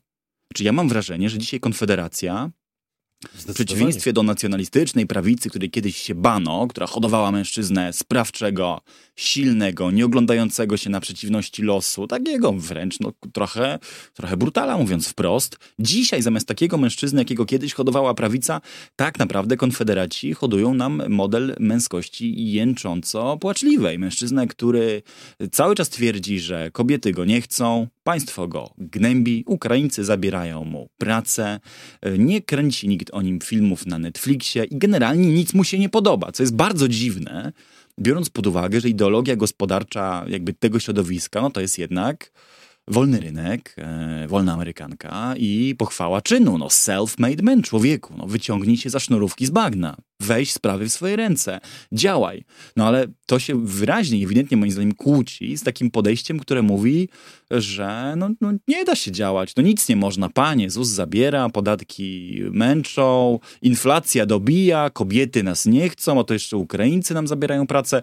Mi się to y, zasadniczo kłóci z wizerunkiem self-made i takiego męskiego herosa. No, jakim ty chłopie jesteś herosem, skoro nie, jest, nie jesteś w stanie zarobić na składkę ZUS-owską, nie jesteś w stanie znaleźć dziewczyny, boisz się, że z rynku matrymonialnego cię wygryzą imigranci? Znaczy naprawdę? Znaczy to jest naprawdę, boisz się, że, y, y, że nikt cię nie zechce? Mało to wszystko kowbojskie. Bardzo, Nie. bardzo.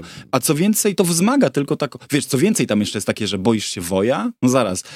Mnie całe dorosłe życie straszono, że nacjonaliści nas wszystkich pobiją, zagnają do obozów i zamkną za druty. Ja dzisiaj słyszę, że oni nie, nie chcą walczyć e, w obliczu inwazji rosyjskiej, że domagają W najgorszym się... razie będą chcieli sprzedać ci krypto, Tak. po nie w czasie. E, jasne. Znaczy wiesz, ja mogę ze swojej strony odpowiedzieć lewicowymi e, archetypami, już bardziej na zasadzie puszczenia oka, to znaczy lewicowe ideały męskości od wieków są dość podobne. E, warto je może odkurzyć. Mamy z jednej strony e, bad boy czada romantycznego rewolucjonistę w typie Józefa Piłsudskiego. Polecam lekturę e, kobiet lewicy z przełomu wieków, gdzie nad wyraz często się pojawia taka myśl, że do lewicy przyciągnęła mnie legenda Józefa Piłsudskiego, który był kimś w stylu Jesse'ego Jamesa. E, z chustką zawiązaną, z Browningiem w ręku i się nikogo nie bał. Więc charyzma Józefa Piłsudskiego miała wymiar nie tylko polityczny. E, z drugiej strony elegancki, elokwentny trybun Ignacy Daszyński. Z trzeciej strony nieśmiały, wrażliwy, e, ale żarliwy intelektualista Stanisław Brzozowski. Bardzo męskie typy, bardzo różne rozumienia męskości, wcale niekoniecznie stereotypowe i maczystowskie. Um, wszystkie trzy przyłożyły się według mnie solidnie do y, i dla lewicy, i dla Polski. Um, więc um, nie, polecam tylko tak zarządzać relacjami damsko-męskimi, jak e, wyżej wymienieni, szczególnie ten pierwszy. Sport, zdrowie, socjalizm. Ja uważam, że e, wiesz, jeszcze w ogóle. Budujmy sekcje gimnastyczne w Ale dokładnie partiach. tak, to ale właśnie, było moje tak, ale nie, kabaret, właśnie, ale nie te kabaretowe, przegięte, jakieś wymyślone jak z jakiejś korporacyjnej broszury, wiesz. Pseudobojówki yy, lewicowo-tęczowe. Nie, prawdziwy sport, kochani. Nie fikcyjne kluby sportowe, tylko prawdziwe kluby sportowe. Jako człowiek, który całe życie jest kibicem Widzewa, czyli Robotniczego Towarzystwa Sportowego, wiem coś o tym. Ale wiesz, no naprawdę mi więcej jednak sport i towarzystwo y, mężczyzn dało dla zdrowia psychicznego, jakby samooceny i też jednak zdolności budowania jakichś y, kontaktu z rzeczywistością niż cokolwiek, niż cokolwiek innego. Także postulatem też lewicy w ogóle dla facetów i dla dziewczyn no, również powinno być wyjście z internetu, wiesz? Wyciągnięcie tych ludzi. Kiedyś Engels chciał wyciągać ludzi z idiotyzmu życia wiejskiego. Ja bym bardzo chciał, to żeby z idiotyzmu życia cyfrowego. tak, tak, żeby naprawdę, żeby ktoś z Dobre. idiotyzmu życia TikTokowego mężczyzn i kobiety chciał wyciągnąć, oferując im obozy integracyjne, sport, na niech będzie nawet strzelnica, e, wspólną pracę, wolontariat i masę innych e, rzeczy, które skądinąd też kiedyś partie masowe e, robiły. Tak? Lewica zdrowa, muskularna. Ja już wiem, co sobie myśli teraz wielu ludzi. Ale co myśli? Myśli, myśli... No zaraz będziesz to faszyzm. Nie, ja myślę, że dużo ludzi myśli, że w dogrywce zdejmiesz koszulę i pokażesz jak muskularna. Zachęcamy. Patronite, Eee, ukośnik DLR. Przepraszam, nie mogę zdjąć koszuli, ponieważ zobaczylibyście moje tatuaże, a to, Mm, No właśnie, tak. Eee, to, mogło, to, to mogłoby skończyć moją karierę. No, a tam jak, Eee. tam jak we francuskim filmie Nienawiść. E, patronite.pl ukośnik DLR. Nie mogę obiecać, że Marcin się rozbierze, bo to byłoby w polskim kodeksie karnym przestępstwo, ale mogę obiecać, że ci, którzy zostaną z nami na dogrywkę, się nie zawiodą. Tym płynnym, jakże elokwentnym i błyskotliwym przejściem, choć mógłbym o kryzysie męskości jeszcze naprawdę długo e, w moim kapeluszu kulturoznawcy prawić, chciałbym zapytać cię o inny e, kryzys, E, Wiesz, właściwie tylko ten kadr wystarczy i wystarczy może zatytułować kryzys męskości. Na, że nas dwóch jako ilustracja? Mm. Ja myślałem, że. Dobra, nie powiem. Wiesz co, nie. nie mm, Nie wrzucajmy blooperów w środek odcinka. Jedziemy dalej. Jedziemy dalej, E, po- Temat jest poważny tym razem. po więcej humoru zapraszamy dokładnie do drugiej części. Temat jest poważny. E, Chcielibyśmy, skoro obiecaliśmy dzisiaj sięgać różnych den, to chcielibyśmy sięgnąć także dna absurdu i pomysłów na e, sprywatyzowanie w Polsce. Takie powiedziałbym dzikie sprywatyzowanie w Polsce systemu ochrony e, zdrowia, które proponuje e, wspomniana już tu nieraz e, Konfederacja i porozmawiać o tym, na ile jest to w ogóle pomysł sensowny, a na ile jest to opętany krzyk kogoś, kto wiedzę o ochronie zdrowia czerpie z serialów na Netflixie właśnie i w życiu nie miał z nią do czynienia. No i wreszcie myślę, że należy też postawić pytanie o to, czy są to pomysły w Polsce w ogóle do zrealizowania i nie skończyłyby się jakąś fatalną implozją. A wreszcie tutaj segment y, dy- dedykowany mnie, zderzyć się, zaproponujemy zderzenie się też z pewnymi mitami, które krążą wokół prywatnej służby zdrowia, pewnej ochrony zdrowia w Stanach y, i nie tylko w krajach, gdzie jest ona prywatna. Marcinie, bon y, zdrowotny, co ty na to? 4000, y, jak przekroczysz to... No cóż, leżysz To sobie trudno. Na, to, tru, to, tru, to trudno, znaczy trzeba się było ubezpieczyć. Jak to widzisz? Mhm. E, Dał, dałbyś się skusić na, na, taki, na taki bon? Wiesz, moja relacja z Konfederacją jest jak relacja Michaela Corleone z mafią. To znaczy, kiedy już myślałem, że się wyrwałem, wciągają mnie z powrotem. Mi naprawdę nie sprawia przyjemności analizowanie tych pomysłów Konfederacji, tylko niestety inni tego nie robią.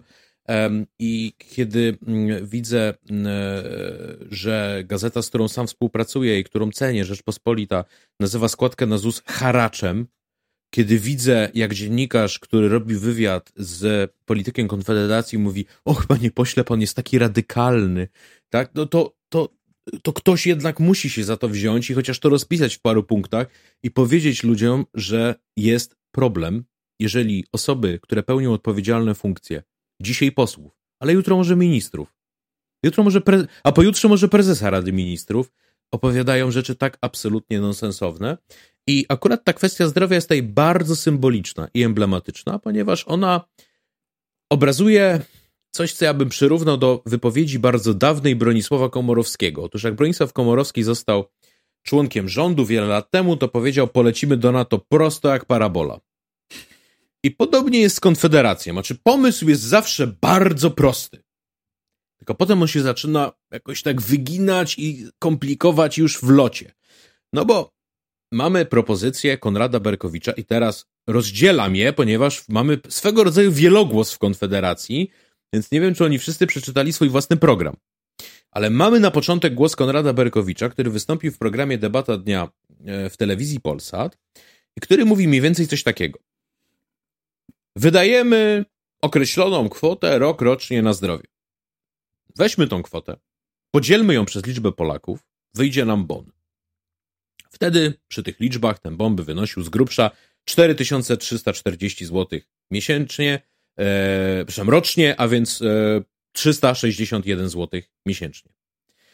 No i w takiej sytuacji niejedna młoda osoba może sobie powiedzieć, nie 360 zł miesięcznie, kiedy ostatnio raz byłem u lekarza, no to brzmi jak kwota, za którą zdecydowanie można sobie dać radę.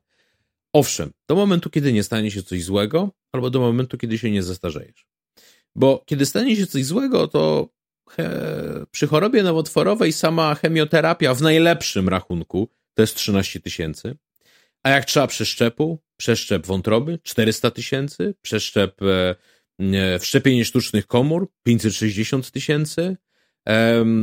ogólnie terapia nowotworowa może pójść w miliony złotych. E, w Stanach Zjednoczonych, kraju, w którym mamy bardzo prywatną opinię zdrowotną, leczenie choroby nowotworowej kosztuje średnio od 2,5 miliona dolarów.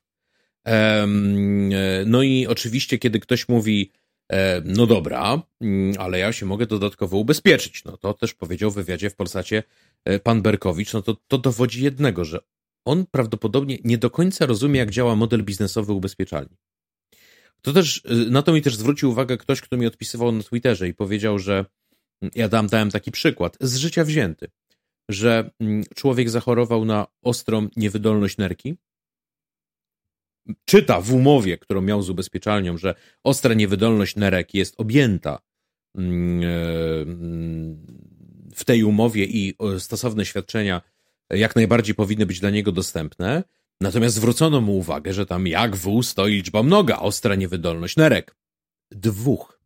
Pan ma ostrą niewydolność jednej nerki, w związku z powyższym nie dostanie pan ani grosza. Można pójść do sądu, można wpłacić 8% kwoty, o którą się spieramy, można się o to procesować 10 lat. Jak ktoś dożyje, to można. Tylko obecny system jest nieskończenie prostszy i nieskończenie bardziej ludzki. Kolejna sprawa, e, nie bierze się pod uwagę tego, że 20% pacjentów pochłania 80% nakładów służby zdrowia, no więc bardzo prosta sprawa. No, każdy mający głowę na karku właściciel takiej ubezpieczalni będzie szukał sposobu na to, żeby wyekspediować te 20%, którzy generują wszystkie koszty i przewrócą mu model biznesowy. No więc na przykład wrzuci im zaporowe stawki. Eee, no nikt, więc na przykład... Nikt, nikt nie będzie chciał ubezpieczać e, starszych osób. Tak, przy chorych na przykład na choroby e, przewlekłe. E, no i e, ostatnia sprawa. Pan Berkowicz mówi, no, marnotrawstwo, koszty administracyjne. No przecież, no, gdybyśmy tylko ogarnęli tych urzędników, to wszystko, to byłoby zupełnie inaczej. Jaki koszt NFZ-u to są koszty administracyjne? 1,1%. Cała reszta przypada na świadczenia. Pieniądze wydane na świadczenia z definicji nie są marnotrawione, ponieważ ratują zdrowie i życie. Znowu, typowa konfederacja. Oszczędzić milion tu, półtora miliona tam, a przetracić miliardy. No bo co by się stało w praktyce?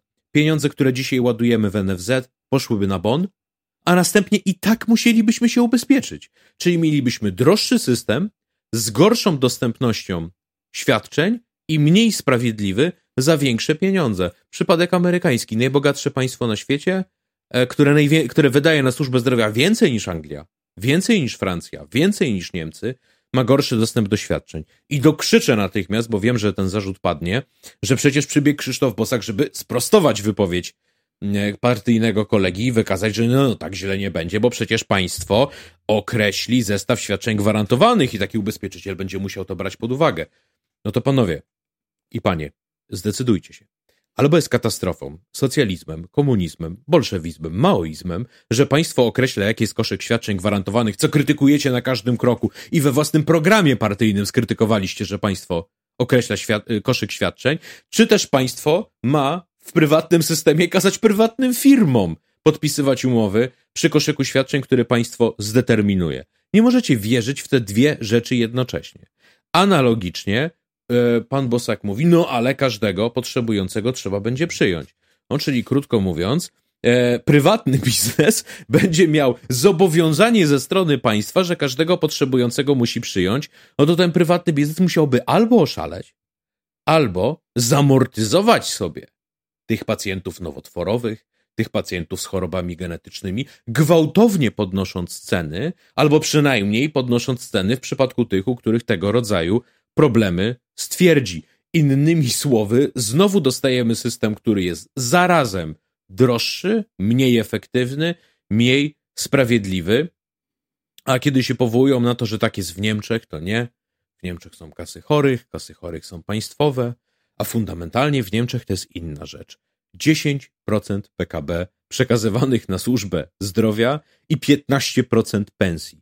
I to nie 10% od PKB, które wynosi jak tam u nas 677 miliardów, tylko ponad 4 biliony.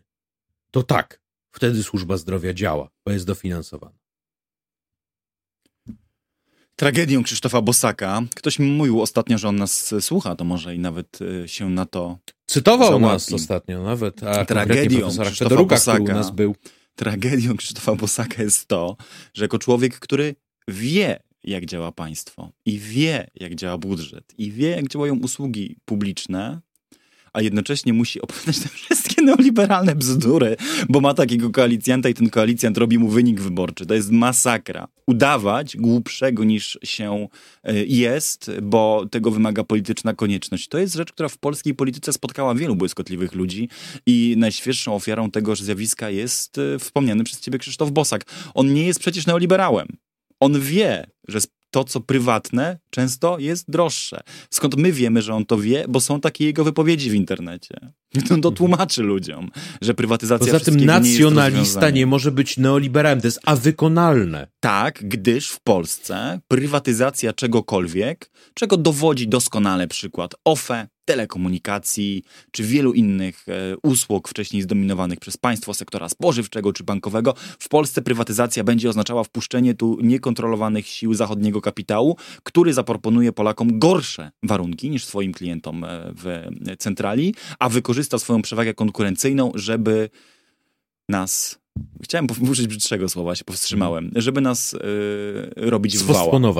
No, e, żeby, no tak, żeby i wiesz, kon Konfederacja to... też się przekonała, jak się pracuje z międzynarodowymi korporacjami, jakim zamknęli konto na Facebooku.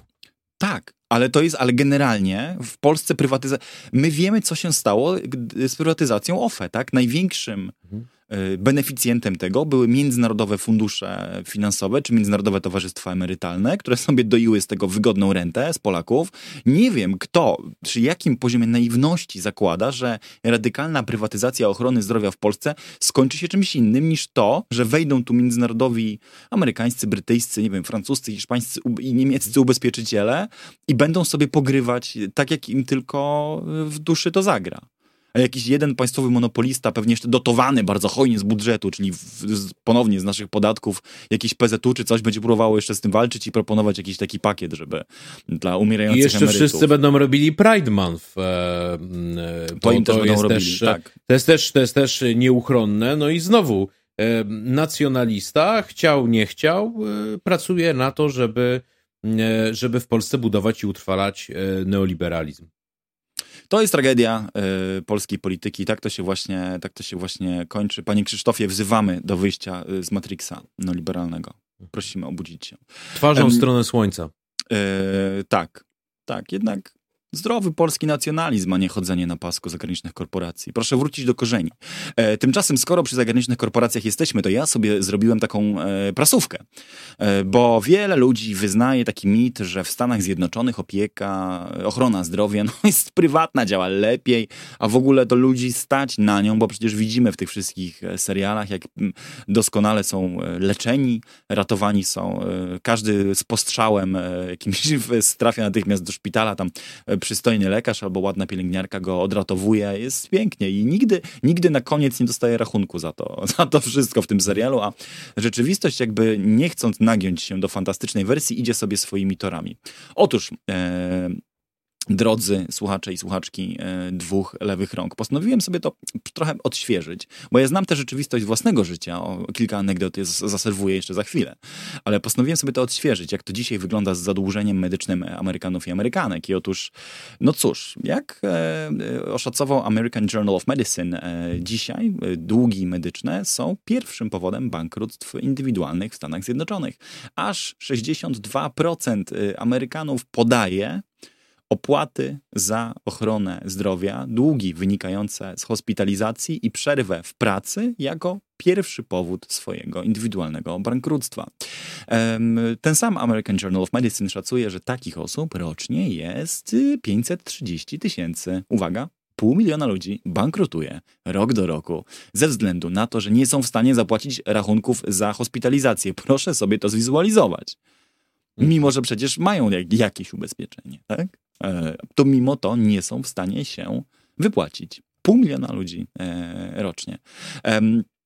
Co roku zresztą suma tych długów, które Amerykanie e, nabywają, wynosi 80 miliardów dolarów. No, jest spora kwota. Myślę, że to jest tak ponad 50% w ogóle polskich wpływów budżetowych i pewnie więcej niż w ogóle mm, środki na ochronę zdrowia w niejednym sporym e, kraju. 80 miliardów dolarów długu e, medycznego i co być może jeszcze bardziej uderzające, e, to są badania Kaiser Family Foundation, takiej fundacji, która zajmuje się badaniem dostępu do ochrony zdrowia i stanem zdrowia Amerykanów w ogóle. Badania Kaiser Family Foundation wskazują, że z tych zadłużonych dwie trzecie musiały zrezygnować z jedzenia lub zakupów podstawowych produktów, a 48% y, musiało wydać wszystkie y, swoje pozostałe oszczędności, żeby y, w jakiś sposób poradzić sobie z długami, które zaciągnęli na ochronę zdrowia. No to jest, to, to jest masakra, mówiąc wprost. Znaczy liczba tych bankructw przerasta każdy olbrzymi e, kryzys finansowy w Europie. Tak? To znaczy nie ma takiej ilości bankructw indywidualnych w żadnym kraju Europy e, w realiach nawet poważnego tąpnięcia gospodarczego, ile w Stanach jest normą z powodu niezapłacenia e, rachunków e, medycznych. Jakubie, czy wiesz, że kanadyjski remake Breaking Bad miał jeden odcinek? tak, poszedł... Ten odcinek ten wygląda w sposób następujący, że Walter White idzie do szpitala, dostaje diagnozę, panie White, um, obawiamy się, że jest to, jest to nowotwór. E, no i terapia zaczyna się mm, w poniedziałek o 13. E, odwiedzi pan doktora takiego, a takiego, no i zaczynamy. No i koniec. E, I wcale nie musiał produkować metamfetaminy i tak dalej, bo po prostu każdy jest ubezpieczony i państwo ponosi koszty tego, a jedyną miarą skali pomocy, jaką człowiek otrzyma i jej kosztów jest jego zapotrzebowanie i kondycja medyczna, a nie zasobność portfela.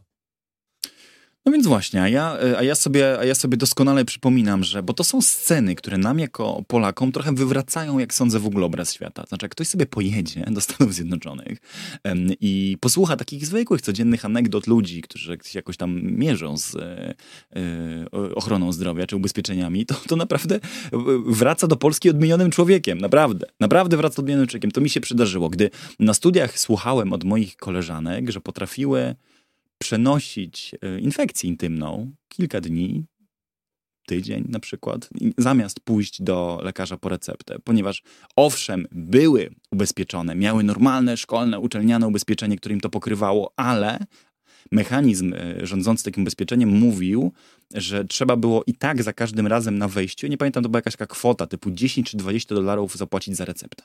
Tak, żeby ta, żeby, ta, żeby ta wizyta nie była darmowa, trzeba było jednak wyłożyć 10 czy 20 dolarów ponad to ubezpieczenie za każdą wizytę, za, za każdą receptę. No i teraz ktoś powie, że przecież 10 czy 20 dolarów to śmieszne kwoty, Kuba, opowiadasz jakieś fantastyczne jest historie, no nigdy by nie chodził z infekcją intymną albo zaraźliwą grypą, albo nie wiem, bolesną migreną przez tydzień. Mm, gdyby miał za to zapłacić tylko 10 czy 20 dolarów. Otóż nie. W czasach studenckich, gdy liczysz każdy dolar do dolara, a wówczas przy tamtejszych cenach też te 10 dolarów to było, wiesz, to było 10 piw na promocji, 10 kartonów yy, soku. Yy, Jak rozumiem, to się rymuje z brakiem bezpłatnego szkolnictwa wyższego, więc tak. musisz mieć na czesne. Tak, tak, tak, nie, nie, ale wtedy te 10 albo 20 dolarów to naprawdę robiło ci różnicę. Znaczy, jak mogłeś sobie za to kupić zapas, wiesz, zapas e, pizzy na cały tydzień, tak? Albo, albo piw na, na dwa weekendy z rzędu, to niestety, ale to wszyscy wiemy, że takich kalkulacji się dokonuje. Szczególnie, jeżeli nie ma się rodziców, Czy, czy tam, gdzie będą... studiowałeś chińskie zupki, was there a thing? Czy to tylko polskie akademiki? Chińskie zupki mniej, za to y, y, niezdrowe energole w niesłychanie olbrzymich puszkach i nieprzyzwoicie tanie papierosy. Wiesz? To, to, to był sposób no. na przetrwanie za długiej nocy w A, bibliotece bo, dla niektórych. E, bo niedaleko Virginia tak. ze wszystkimi e, atrakcjami.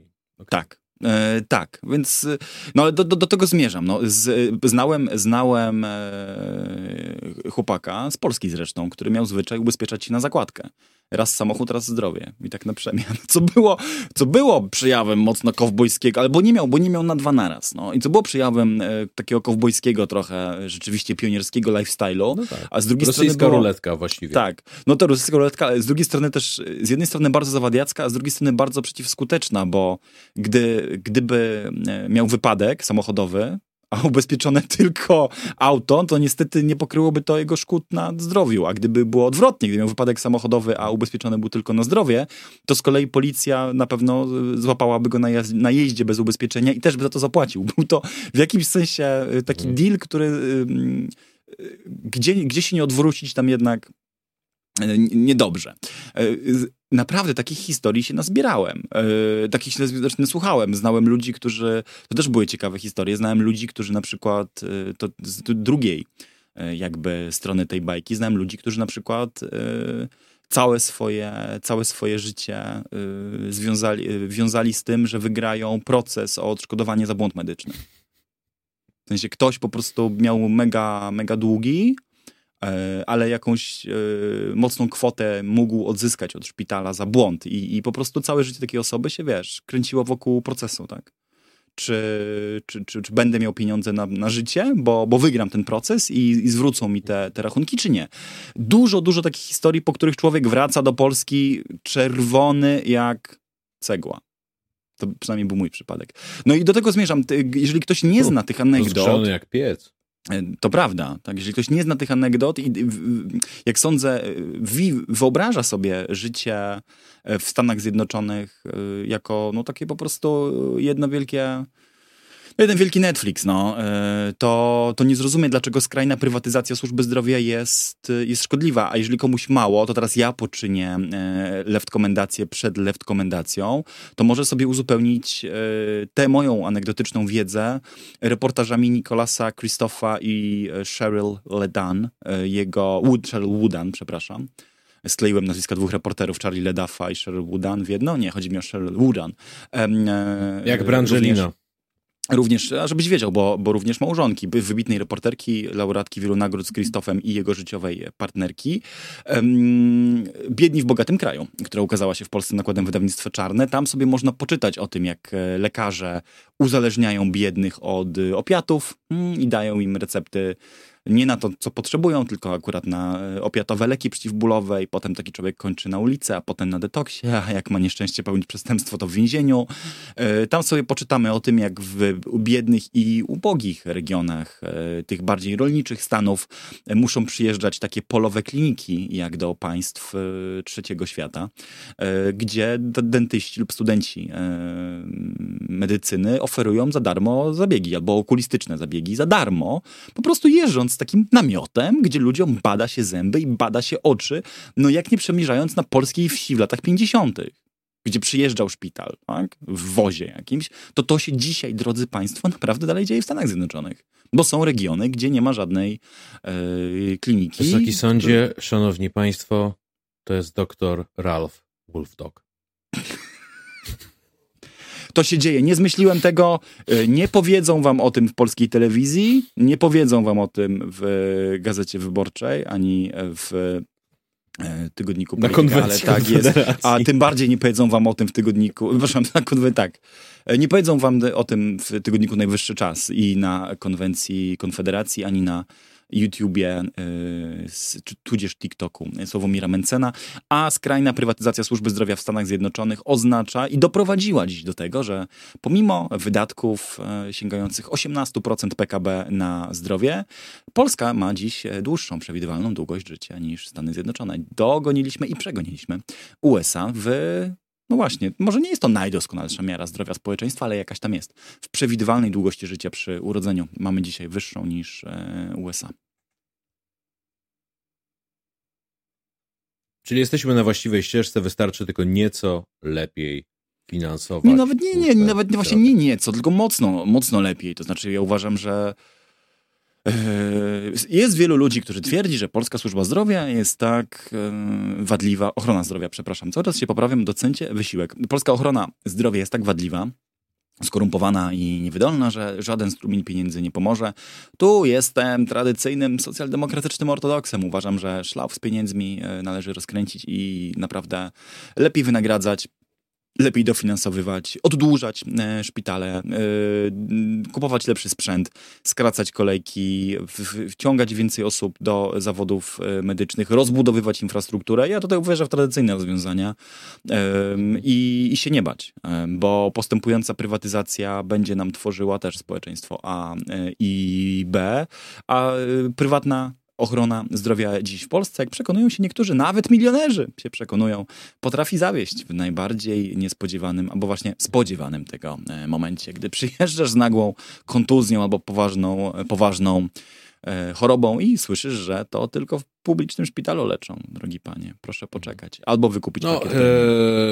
Dawny brytyjski premier, następca Tonego Brella, Gordon Brown, mm, stracił wzrok w jednym oku w prywatnym szpitalu, e, a w drugim e, prawie by stracił w zasadzie dzięki bardzo śmiałym decyzjom i nieortodoksyjnej terapii w państwowym szpitalu uratowano jego wzrok w drugim oku.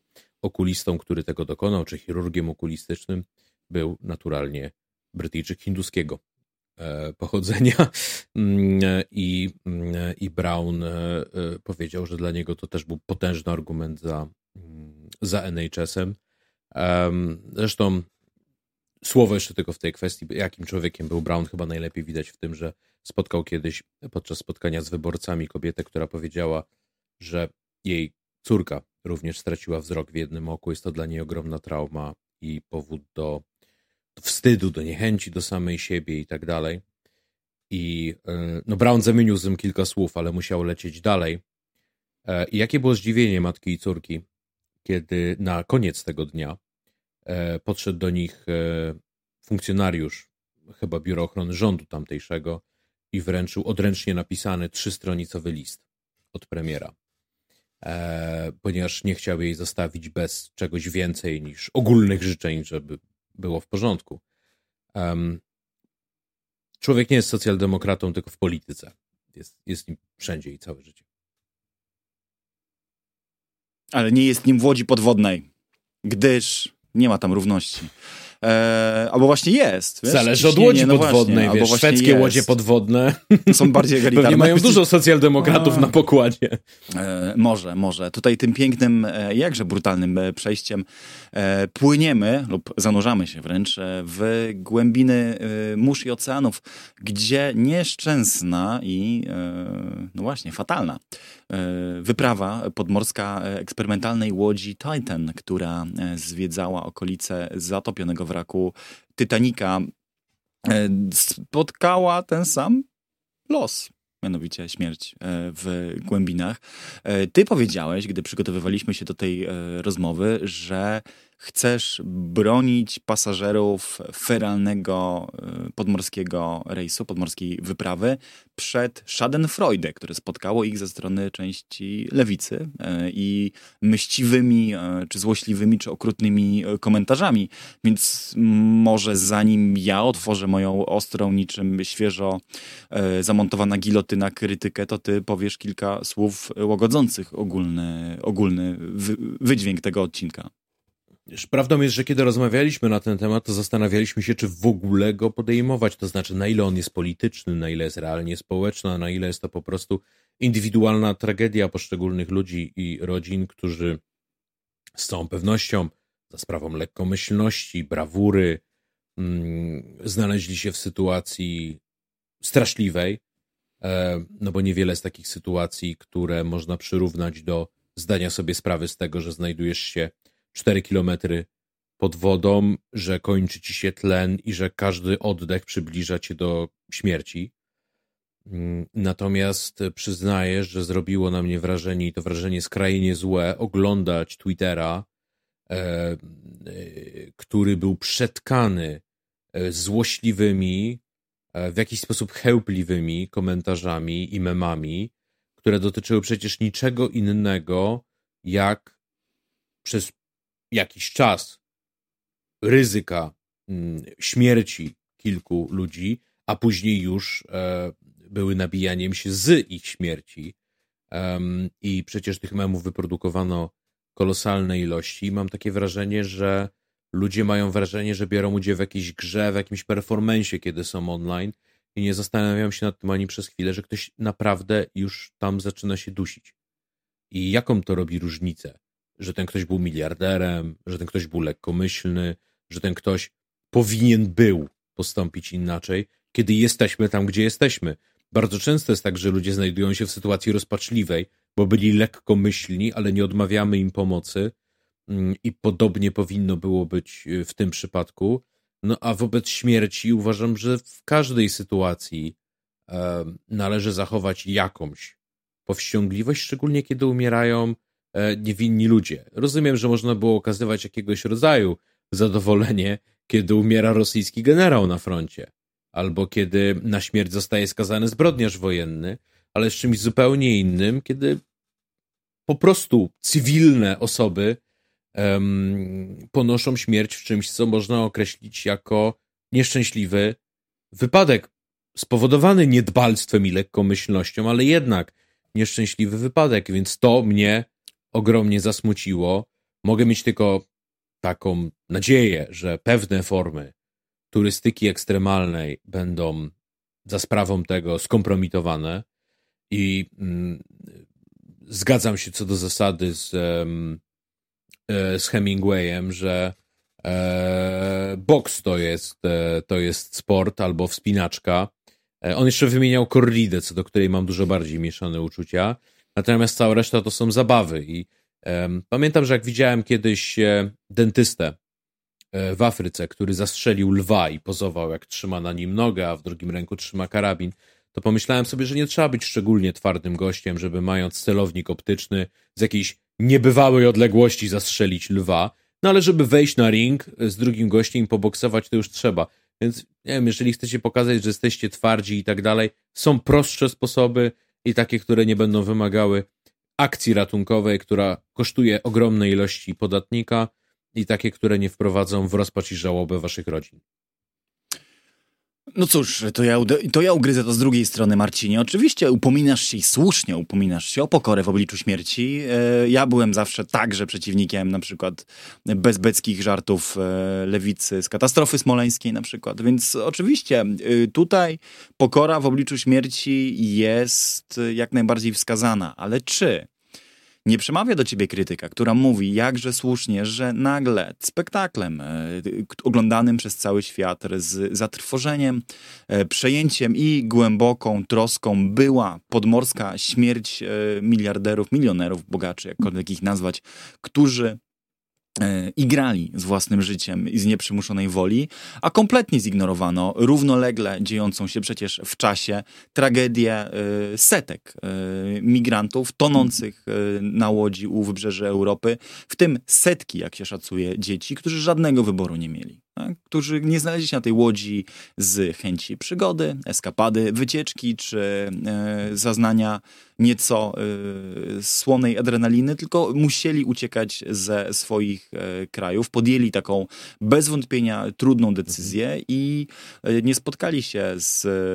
nie dopłynęli do, do miejsca, nie spotkała ich gościnność, ich zwłoki E, spoczęły na, na dnie morza i to traktujemy już właściwie jako wtorek, nie? To, to już jakby nie budzi naszego, naszej, naszej goryczy. I ja myślę, że mhm. część z tych, jak mówisz, być może okrutnych, być może bezdusznych, być może niesmacznych dla niektórych kawałów, ale jak sądzę, była też być może odreagowaniem jakiejś całej absurdalności, nieznośnej w ogóle atmosfery, w której my nie mamy już też przestrzeni, żeby poradzić sobie z e, rozpiętością niesprawiedliwości i okropieństw na tym świecie e, i z synergią, czy symultanicznym, symultanicznym e, wydarzaniem się pewnego rodzaju tragedii. To znaczy, ja uważam ten śmiech za pewien rodzaj śmiechu karnawałowego też. Tak? Śmiechu, który pozwala oswoić absurd, yy, grozę rzeczywistości, jej głupotę yy, i perfidię. Jak to jest, Marcin, że yy, naprawdę w drodze do Europy umierają tysiące ludzi i są oni postawieni w okolicznościach beznadziejnych, e, a my, żeby móc spać spokojnie, też musimy to ignorować. Musimy na to nie patrzeć, bo gdybyśmy na to patrzyli, to wyrzuty sumienia też by nam nie dały spać. I humor, tak jak mówisz, także wisielczy i niesmaczny, pozostaje jakimś, no cóż, no, jakimś, jakimś rodzajem chyba tylko e, z redukcji tego okropnego poznawczego dysonansu, który nam przy podobnych okazjach yy, towarzyszy. Przypisujesz szlachetne intencje ludziom, którzy się z tego śmieją, to znaczy, że pewna głębsza troska etyczna nimi powoduje i wybrali po prostu formę, która może być dyskusyjna, żeby to wyrazić. Moim zdaniem tak nie jest. To znaczy, nie przekonuje mnie teza, że ludzie, którzy wyrażali rozbawienie i radość z tytułu, że tamci ludzie dusili się uwięzieni e, w tamtej e, w tamtym dronie de facto podwodnym, to ci ludzie tak naprawdę mieli na myśli e, ofiary masowe e, śmierci w Morzu Śródziemnym, które faktycznie zamienia się w cmentarzysko. Nie, ci ludzie po prostu otrzymali cel, wskazano im kogoś, kogo mogą relatywnie bezkarnie nienawidzieć i tą nienawiść wyżyć. I mnie zawsze, mnie zawsze bardzo zniechęca postawa, indywidualizowania społecznych problemów. To znaczy, e, co do zasady, ludzie zachowują się tak, przeciętni ludzie zachowują się tak, żeby było jak najlepiej dla nich i dla ich rodzin. I jeżeli mogą zapłacić niższe podatki, to zapłacą niższe podatki. E, jeżeli mogą polecieć na egzotyczne wakacje, kiedy innych na to nie stać, to polecą i tak dalej, i tak dalej. E, zapewnią swoim dzieciom miejsce w lepszej szkole, mimo że zdają sobie sprawę, że większość dzieci chodzi do gorszych szkół ale to nie ich obowiązkiem jest zmieniać społeczeństwo, tylko to my wszyscy wspólnie poprzez swoją demokratyczną wolę i instytucje państwa mamy zmieniać społeczeństwo. Dlatego zawsze mnie rewoltowała ta tendencja na lewicy, a ile zarabia Robert Lewandowski. Jak Robert Lewandowski zacznie zarabiać mniej, to nie rozwiążemy naszych problemów społecznych. Rozwiążemy je dopiero wtedy, kiedy na przykład tworzymy sprawiedliwszy system podatkowy. Więc nie obwiniajmy Roberta Lewandowskiego za to, że ktoś mu napisał na kontrakcie, że ma tyle zarabiać, to powiedział, przepraszam, obetnijcie mi tą pensję o 50%, bo się po prostu źle czuję z tym, że tyle zarabiam. I analogicznie śmierć tych ludzi w niczym nie naprawi położenia osób, które dzisiaj toną w Morzu Śródziemnym, natomiast sprawiła, że pośmiali się, powygłupiali, generalnie dobrze się pobawili, bo była okazja do produkowania memów, no a zawsze można użyć argumentu, no kogo żałujesz, miliarderów żałujesz, pysznych, aroganckich, którzy myśleli, że wszystko mogą, że wszystko im wolno i że kontrolerem od Xboxa są w stanie poprowadzić drona e, przez, e, przez wraka Titanica i nic złego im się nie stanie. No tylko co to daje? Komu to pomaga? W jakiej mierze jest to jakikolwiek lek na problemy, którymi się obecnie mierzymy? Myślę, że ty z kolei domagasz się, aby taki humor miał jakąś kataraktyczną e, funkcję e, czy sprawczość, której, której mieć, e, mieć nie może. A przypominam sobie nasz niedawny odcinek w jednej z dogrywek, gdzie broniłeś e, granic humoru zakreślonych naprawdę, naprawdę szeroko i nie przypominam sobie, żebyś wtedy domagał się od każdego żartu, aby miał pozytywną, sprawczą i społecznie y, użyteczną ale, funkcję. Ale mylisz, mylisz dwie rzeczy mylisz kodeks postępowania karnego czy kodeks karny i stwierdzenie, że nie wolno ci tego powiedzieć, bo państwo zapuka do twoich drzwi postaci policjanta, prokuratora i wyciągnie wobec ciebie e, konsekwencje. I temu jestem jednoznacznie przeciwny. Gdyby ktokolwiek z tytułu tych żartów czy tych memów miał być sądzony, to stanąłbym po jego stronie, a czym innym jest moje korzystanie z wolnego słowa, żeby powiedzieć, że tego typu żarty mnie nie bawią i że tego typu żarty nie przyczyniają się do tego, że będziemy żyli w lepszym i sprawiedliwszym społeczeństwie. One zwiększają jedynie dawkę znieczulicy. Czyli opowiadasz się za humorem, który popycha nasze społeczeństwo do przodu i takim społecznie użytecznym, bo jeśli nie, to... Znaczy ja zawsze mówię always, always punch up, tak jak Ricky Gervais opowiadał to... o swoim poczuciu humoru, zawsze uderzasz w ludzi, którzy mają władzę i tak dalej. Czy gdybyś uderzał w multimiliardera, kiedy zwalnia pracowników, e, bo chce sobie kupić większy jacht i uznał, że e, może coś tam zautomatyzować, e, albo który mobuje, to tak, to jest coś, co popieram kiedy nabijasz się z milionera, który właśnie widzi, jak zostało mu kilka minut powietrza e, w jego łajbie i za chwilę umrze i co musi się dziać teraz w jego głowie. A jednocześnie nawet nie może porozmawiać z tym drugim, który na jego oczach umiera, no bo muszą oszczędzać tlen, no i nie wiadomo, no może w ostatniej chwili ktoś się znajdzie i ich uratuje. Um, to po prostu mnie to nie bawi. No. Nazwijmy je staroświeckim. Marcin, nazwanie cię staroświeckim to dopiero byłoby marnowanie oddechu. Y, mówiłem to ja, Jakub Dymek. Wcale nie popieram żartów z osób cierpiących i umierających, ale też y, cóż. Y, wydaje mi, się, wydaje mi się, że spóźniliśmy się na tę imprezę.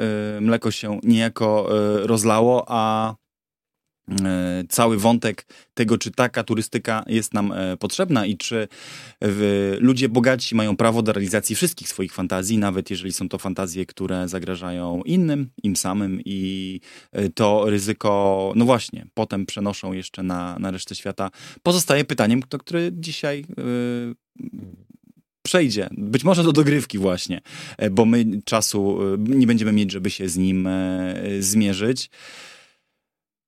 To wszystko, co przygotowaliśmy na dzisiaj. Widzę, że też ciężko, ciężko oddychasz po tym e, prawdziwie bokserskim Nie no, chciałem, meczu. Chciałem różnymi... tylko powiedzieć, no. że, że mój współprowadzący na pewno ma jedną ogromną zaletę. On uprawia punching up, ponieważ jak widzicie po kolejnych jego e, żartach, e, celem jego ataków najczęściej jest jego niezwykle elokwentny i charyzmatyczny współprowadzący mm, i, i wybiera sobie trudne tak. cele. Tak. E, więc dziękujemy powiem, powiem, za uwagę. Po, po, powiem tak, no, kazałeś się nam gotować na bitwę z faszystami. Ja uprawiam ją tu na żywo. E, dziękujemy za dzisiejszy y, odcinek e, i spędzone z nami blisko dwie godziny. To oczywiście nie wszystko, co przygotowaliśmy na dzisiaj. Dla wspierających nas na Patronite mamy y, naszą grupę na Discordzie, gdzie dalej trwają żywiołowe dyskusje. Mamy nasz cotygodniowy newsletter, który ukazuje się, teraz staramy dotrzymywać się terminów. E, Marcin jako... Każdą sobotę. Marcin jako ten, który wyznaje prawdziwie... Niemców może nie lubi, ale ich przywiązanie do logiki, punktualności i dyscypliny e, jakoby wypił z mlekiem matki. Tego pilnuje newsletter, który wychodzi w soboty i dogrywkę do każdego odcinka, e, po którą zapraszamy e, jak najgoręcej. patronite.pl ukośnik DLR DLR. No i być może najważniejsze, wasze wsparcie na Patronite pozwala nam e, kręcić więcej odcinków, robić więcej rozmów i wprowadzać nowe formaty, z których część już znacie.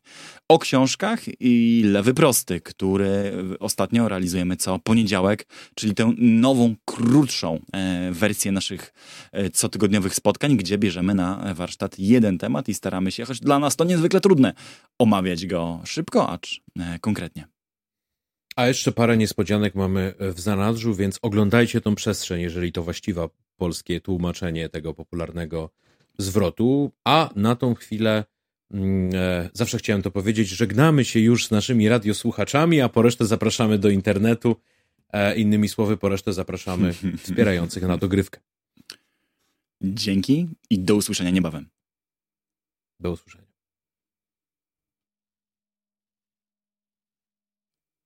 I zapomnielibyśmy. E, tradycyjnie obowiązkowy element każdego odcinka programu Dwie lewe ręce, czyli Left Komendacje, segment, w którym opowiadamy o książkach, filmach, serialach, inicjatywach społecznych i wielu innych rzeczach, które uważamy, że są warte naszej e, rekomendacji, czyli polecenia. Marcinie, czy ty dzisiaj zaczniesz? Tak, chętnie, bo mam ciekawą i nietypową e, left komendację. E, przyszło mi na myśl, że w sumie siedzimy tutaj za mikrofonami i nawiązujemy trochę do wielkich i pięknych tradycji radiowych w nowej, internetowej formie. A jeśli radio, to ono mi się fundamentalnie kojarzy z jednym nazwiskiem, z Tomaszem Beksińskim. Więc chciałem wam zarekomendować tym razem coś, co kompletnie nie ma żadnego związku z polityką, bo Beksiński był aż do bólu apolityczny i to zarówno w PRL-u, jak i w trzeciej E, RP, e, a polecić wam chciałem biografię pióra Wiesława Weissa, możecie go kojarzyć jako wieloletniego redaktora tylko Roka i teraz Roka, człowieka, który znakomicie znał e, Beksińskiego i który popełnił, poprawiacie mnie, żebym nie mówił popełnił, więc który napisał książkę naprawdę opasłą, poświęconą temu dziennikarzowi muzycznemu, książkę, która jest naprawdę przejmującym portretem zarówno jego życia osobistego, jak i wspaniałym przewodnikiem po muzyce, po filmach, po wszystkim tym, co e, Beksińskiego fascynowało, a jeśli nie macie czasu i chęci na kilkaset stron lektury, to polecam, żebyście gdzieś w internecie spróbowali wyszukać stare audycje Beksińskiego, e, które dla mnie były same w sobie formą sztuki. Tak jak zrobienie mixtape'u jest formą sztuki, zebranie utworów tak, żeby jeden po drugim dobrze brzmiały, tworzyły pewną opowieść tak, tak głos Tomka Beksińskiego i to, jak on potrafił o muzyce opowiadać i to, jak potrafił budować całe doświadczenie wokół niej, wydaje mi się, że nie znalazło już żadnego mm, kontynuatora w przyszłości, więc e, szczerze polecam wam książkę, e, książkę Wiesława Weissa, Tomasz Beksiński, Portret Prawdziwy. Ja zaś e, mogę polecić przeciwnie, z bardzo przyziemnej, politycznej, doraźnej i takiej treściwo mięsistej narracji, rzecz, o której już wspomniałem w e, trakcie trwania naszej dzisiejszej rozmowy, mianowicie Biednych w bogatym kraju. Nikolasa Krzysztofa i Cheryl Wu Dan. E, reportaż długi, bogaty, e, a zarazem oparty na ciekawym koncepcie, ponieważ Krzysztof urodził się w rolniczym stanie Oregon jako no, dziecko profesorów, ludzi wykształconych, miał biblioteczkę w domu i skończył rzeczywiście dobrze, jako nagradzany Pulitzerami e, reporter, a przez chwilę nawet niedoszły kandydat na prezydenta USA, którego kampania skończyła się zanim się zaczęła, ale przez chwilę próbował. E, I Christoph w tej książce wraz z Cheryl Woodan przyglądają się e, życiu ludzi z tegoż samego Oregonu, sąsiadów, dalekich krewnych, kolegów, koleżanek ze szkoły, którym życie nie ułożyło się tak dobrze. I Krzysztof, patrząc na swoich rówieśników e, z rodzinnej miejscowości, pyta dlaczego. Znaczy, dlaczego on jako dziecko y, akademików, oczytany i dobry prymus zaszedł aż tak wysoko, a ci, którzy mieli tylko troszkę mniej szczęścia na wejściu, skończyli aż tak e, źle bo są tam historie brutalnych przestępstw, uzależnień, przemocy seksualnej i wykluczenia, które Krzysztof y, widzi brutalnie i opisuje na przykładzie ludzi, których przecież nie są dla niego tylko reporterskim tematem, ale y, rówieśnikami i ludźmi, których e, w swoim życiu mm, znał i dalej e, zna, a wszystko to tworzy razem przejmujący i na pewno szokujący dla polskiej widowni portret Ameryki, jakiej nie znamy. Ameryki, która nie potrafi zwalczyć wielu różnych społecznych plag i w której na tak zwane zgony z rozpaczy z powodu przedawkowania, alkoholizmu, y, braku opieki medycznej lub samobójstw ginie wciąż więcej ludzi niż zginęło w Iraku i Afganistanie. To były left komendacje. Mamy nadzieję, że do nich zajrzycie. No a na dzisiaj dziękujemy już, że waszą życzliwą uwagę. Jeśli podoba Wam się to, co robimy, jeśli chcecie nas wesprzeć i chcecie, żeby dwóch lewych rąk było więcej, to pamiętajcie, że odnajdziecie nas na Patronajcie, dokładnie na stronie patronite.pl dlr, jak dwie lewe ręce. My słyszymy się już niebawem, no bo mm, z początkiem kolejnego tygodnia nagrywamy e, nowy format, e, chociaż już część z Was na pewno się z nim zapoznała, lewy prosty, no a wspierający będą mogli obejrzeć jeszcze w ten weekend e, dogrywkę oraz przeczytać newsletter. Dzięki i do usłyszenia.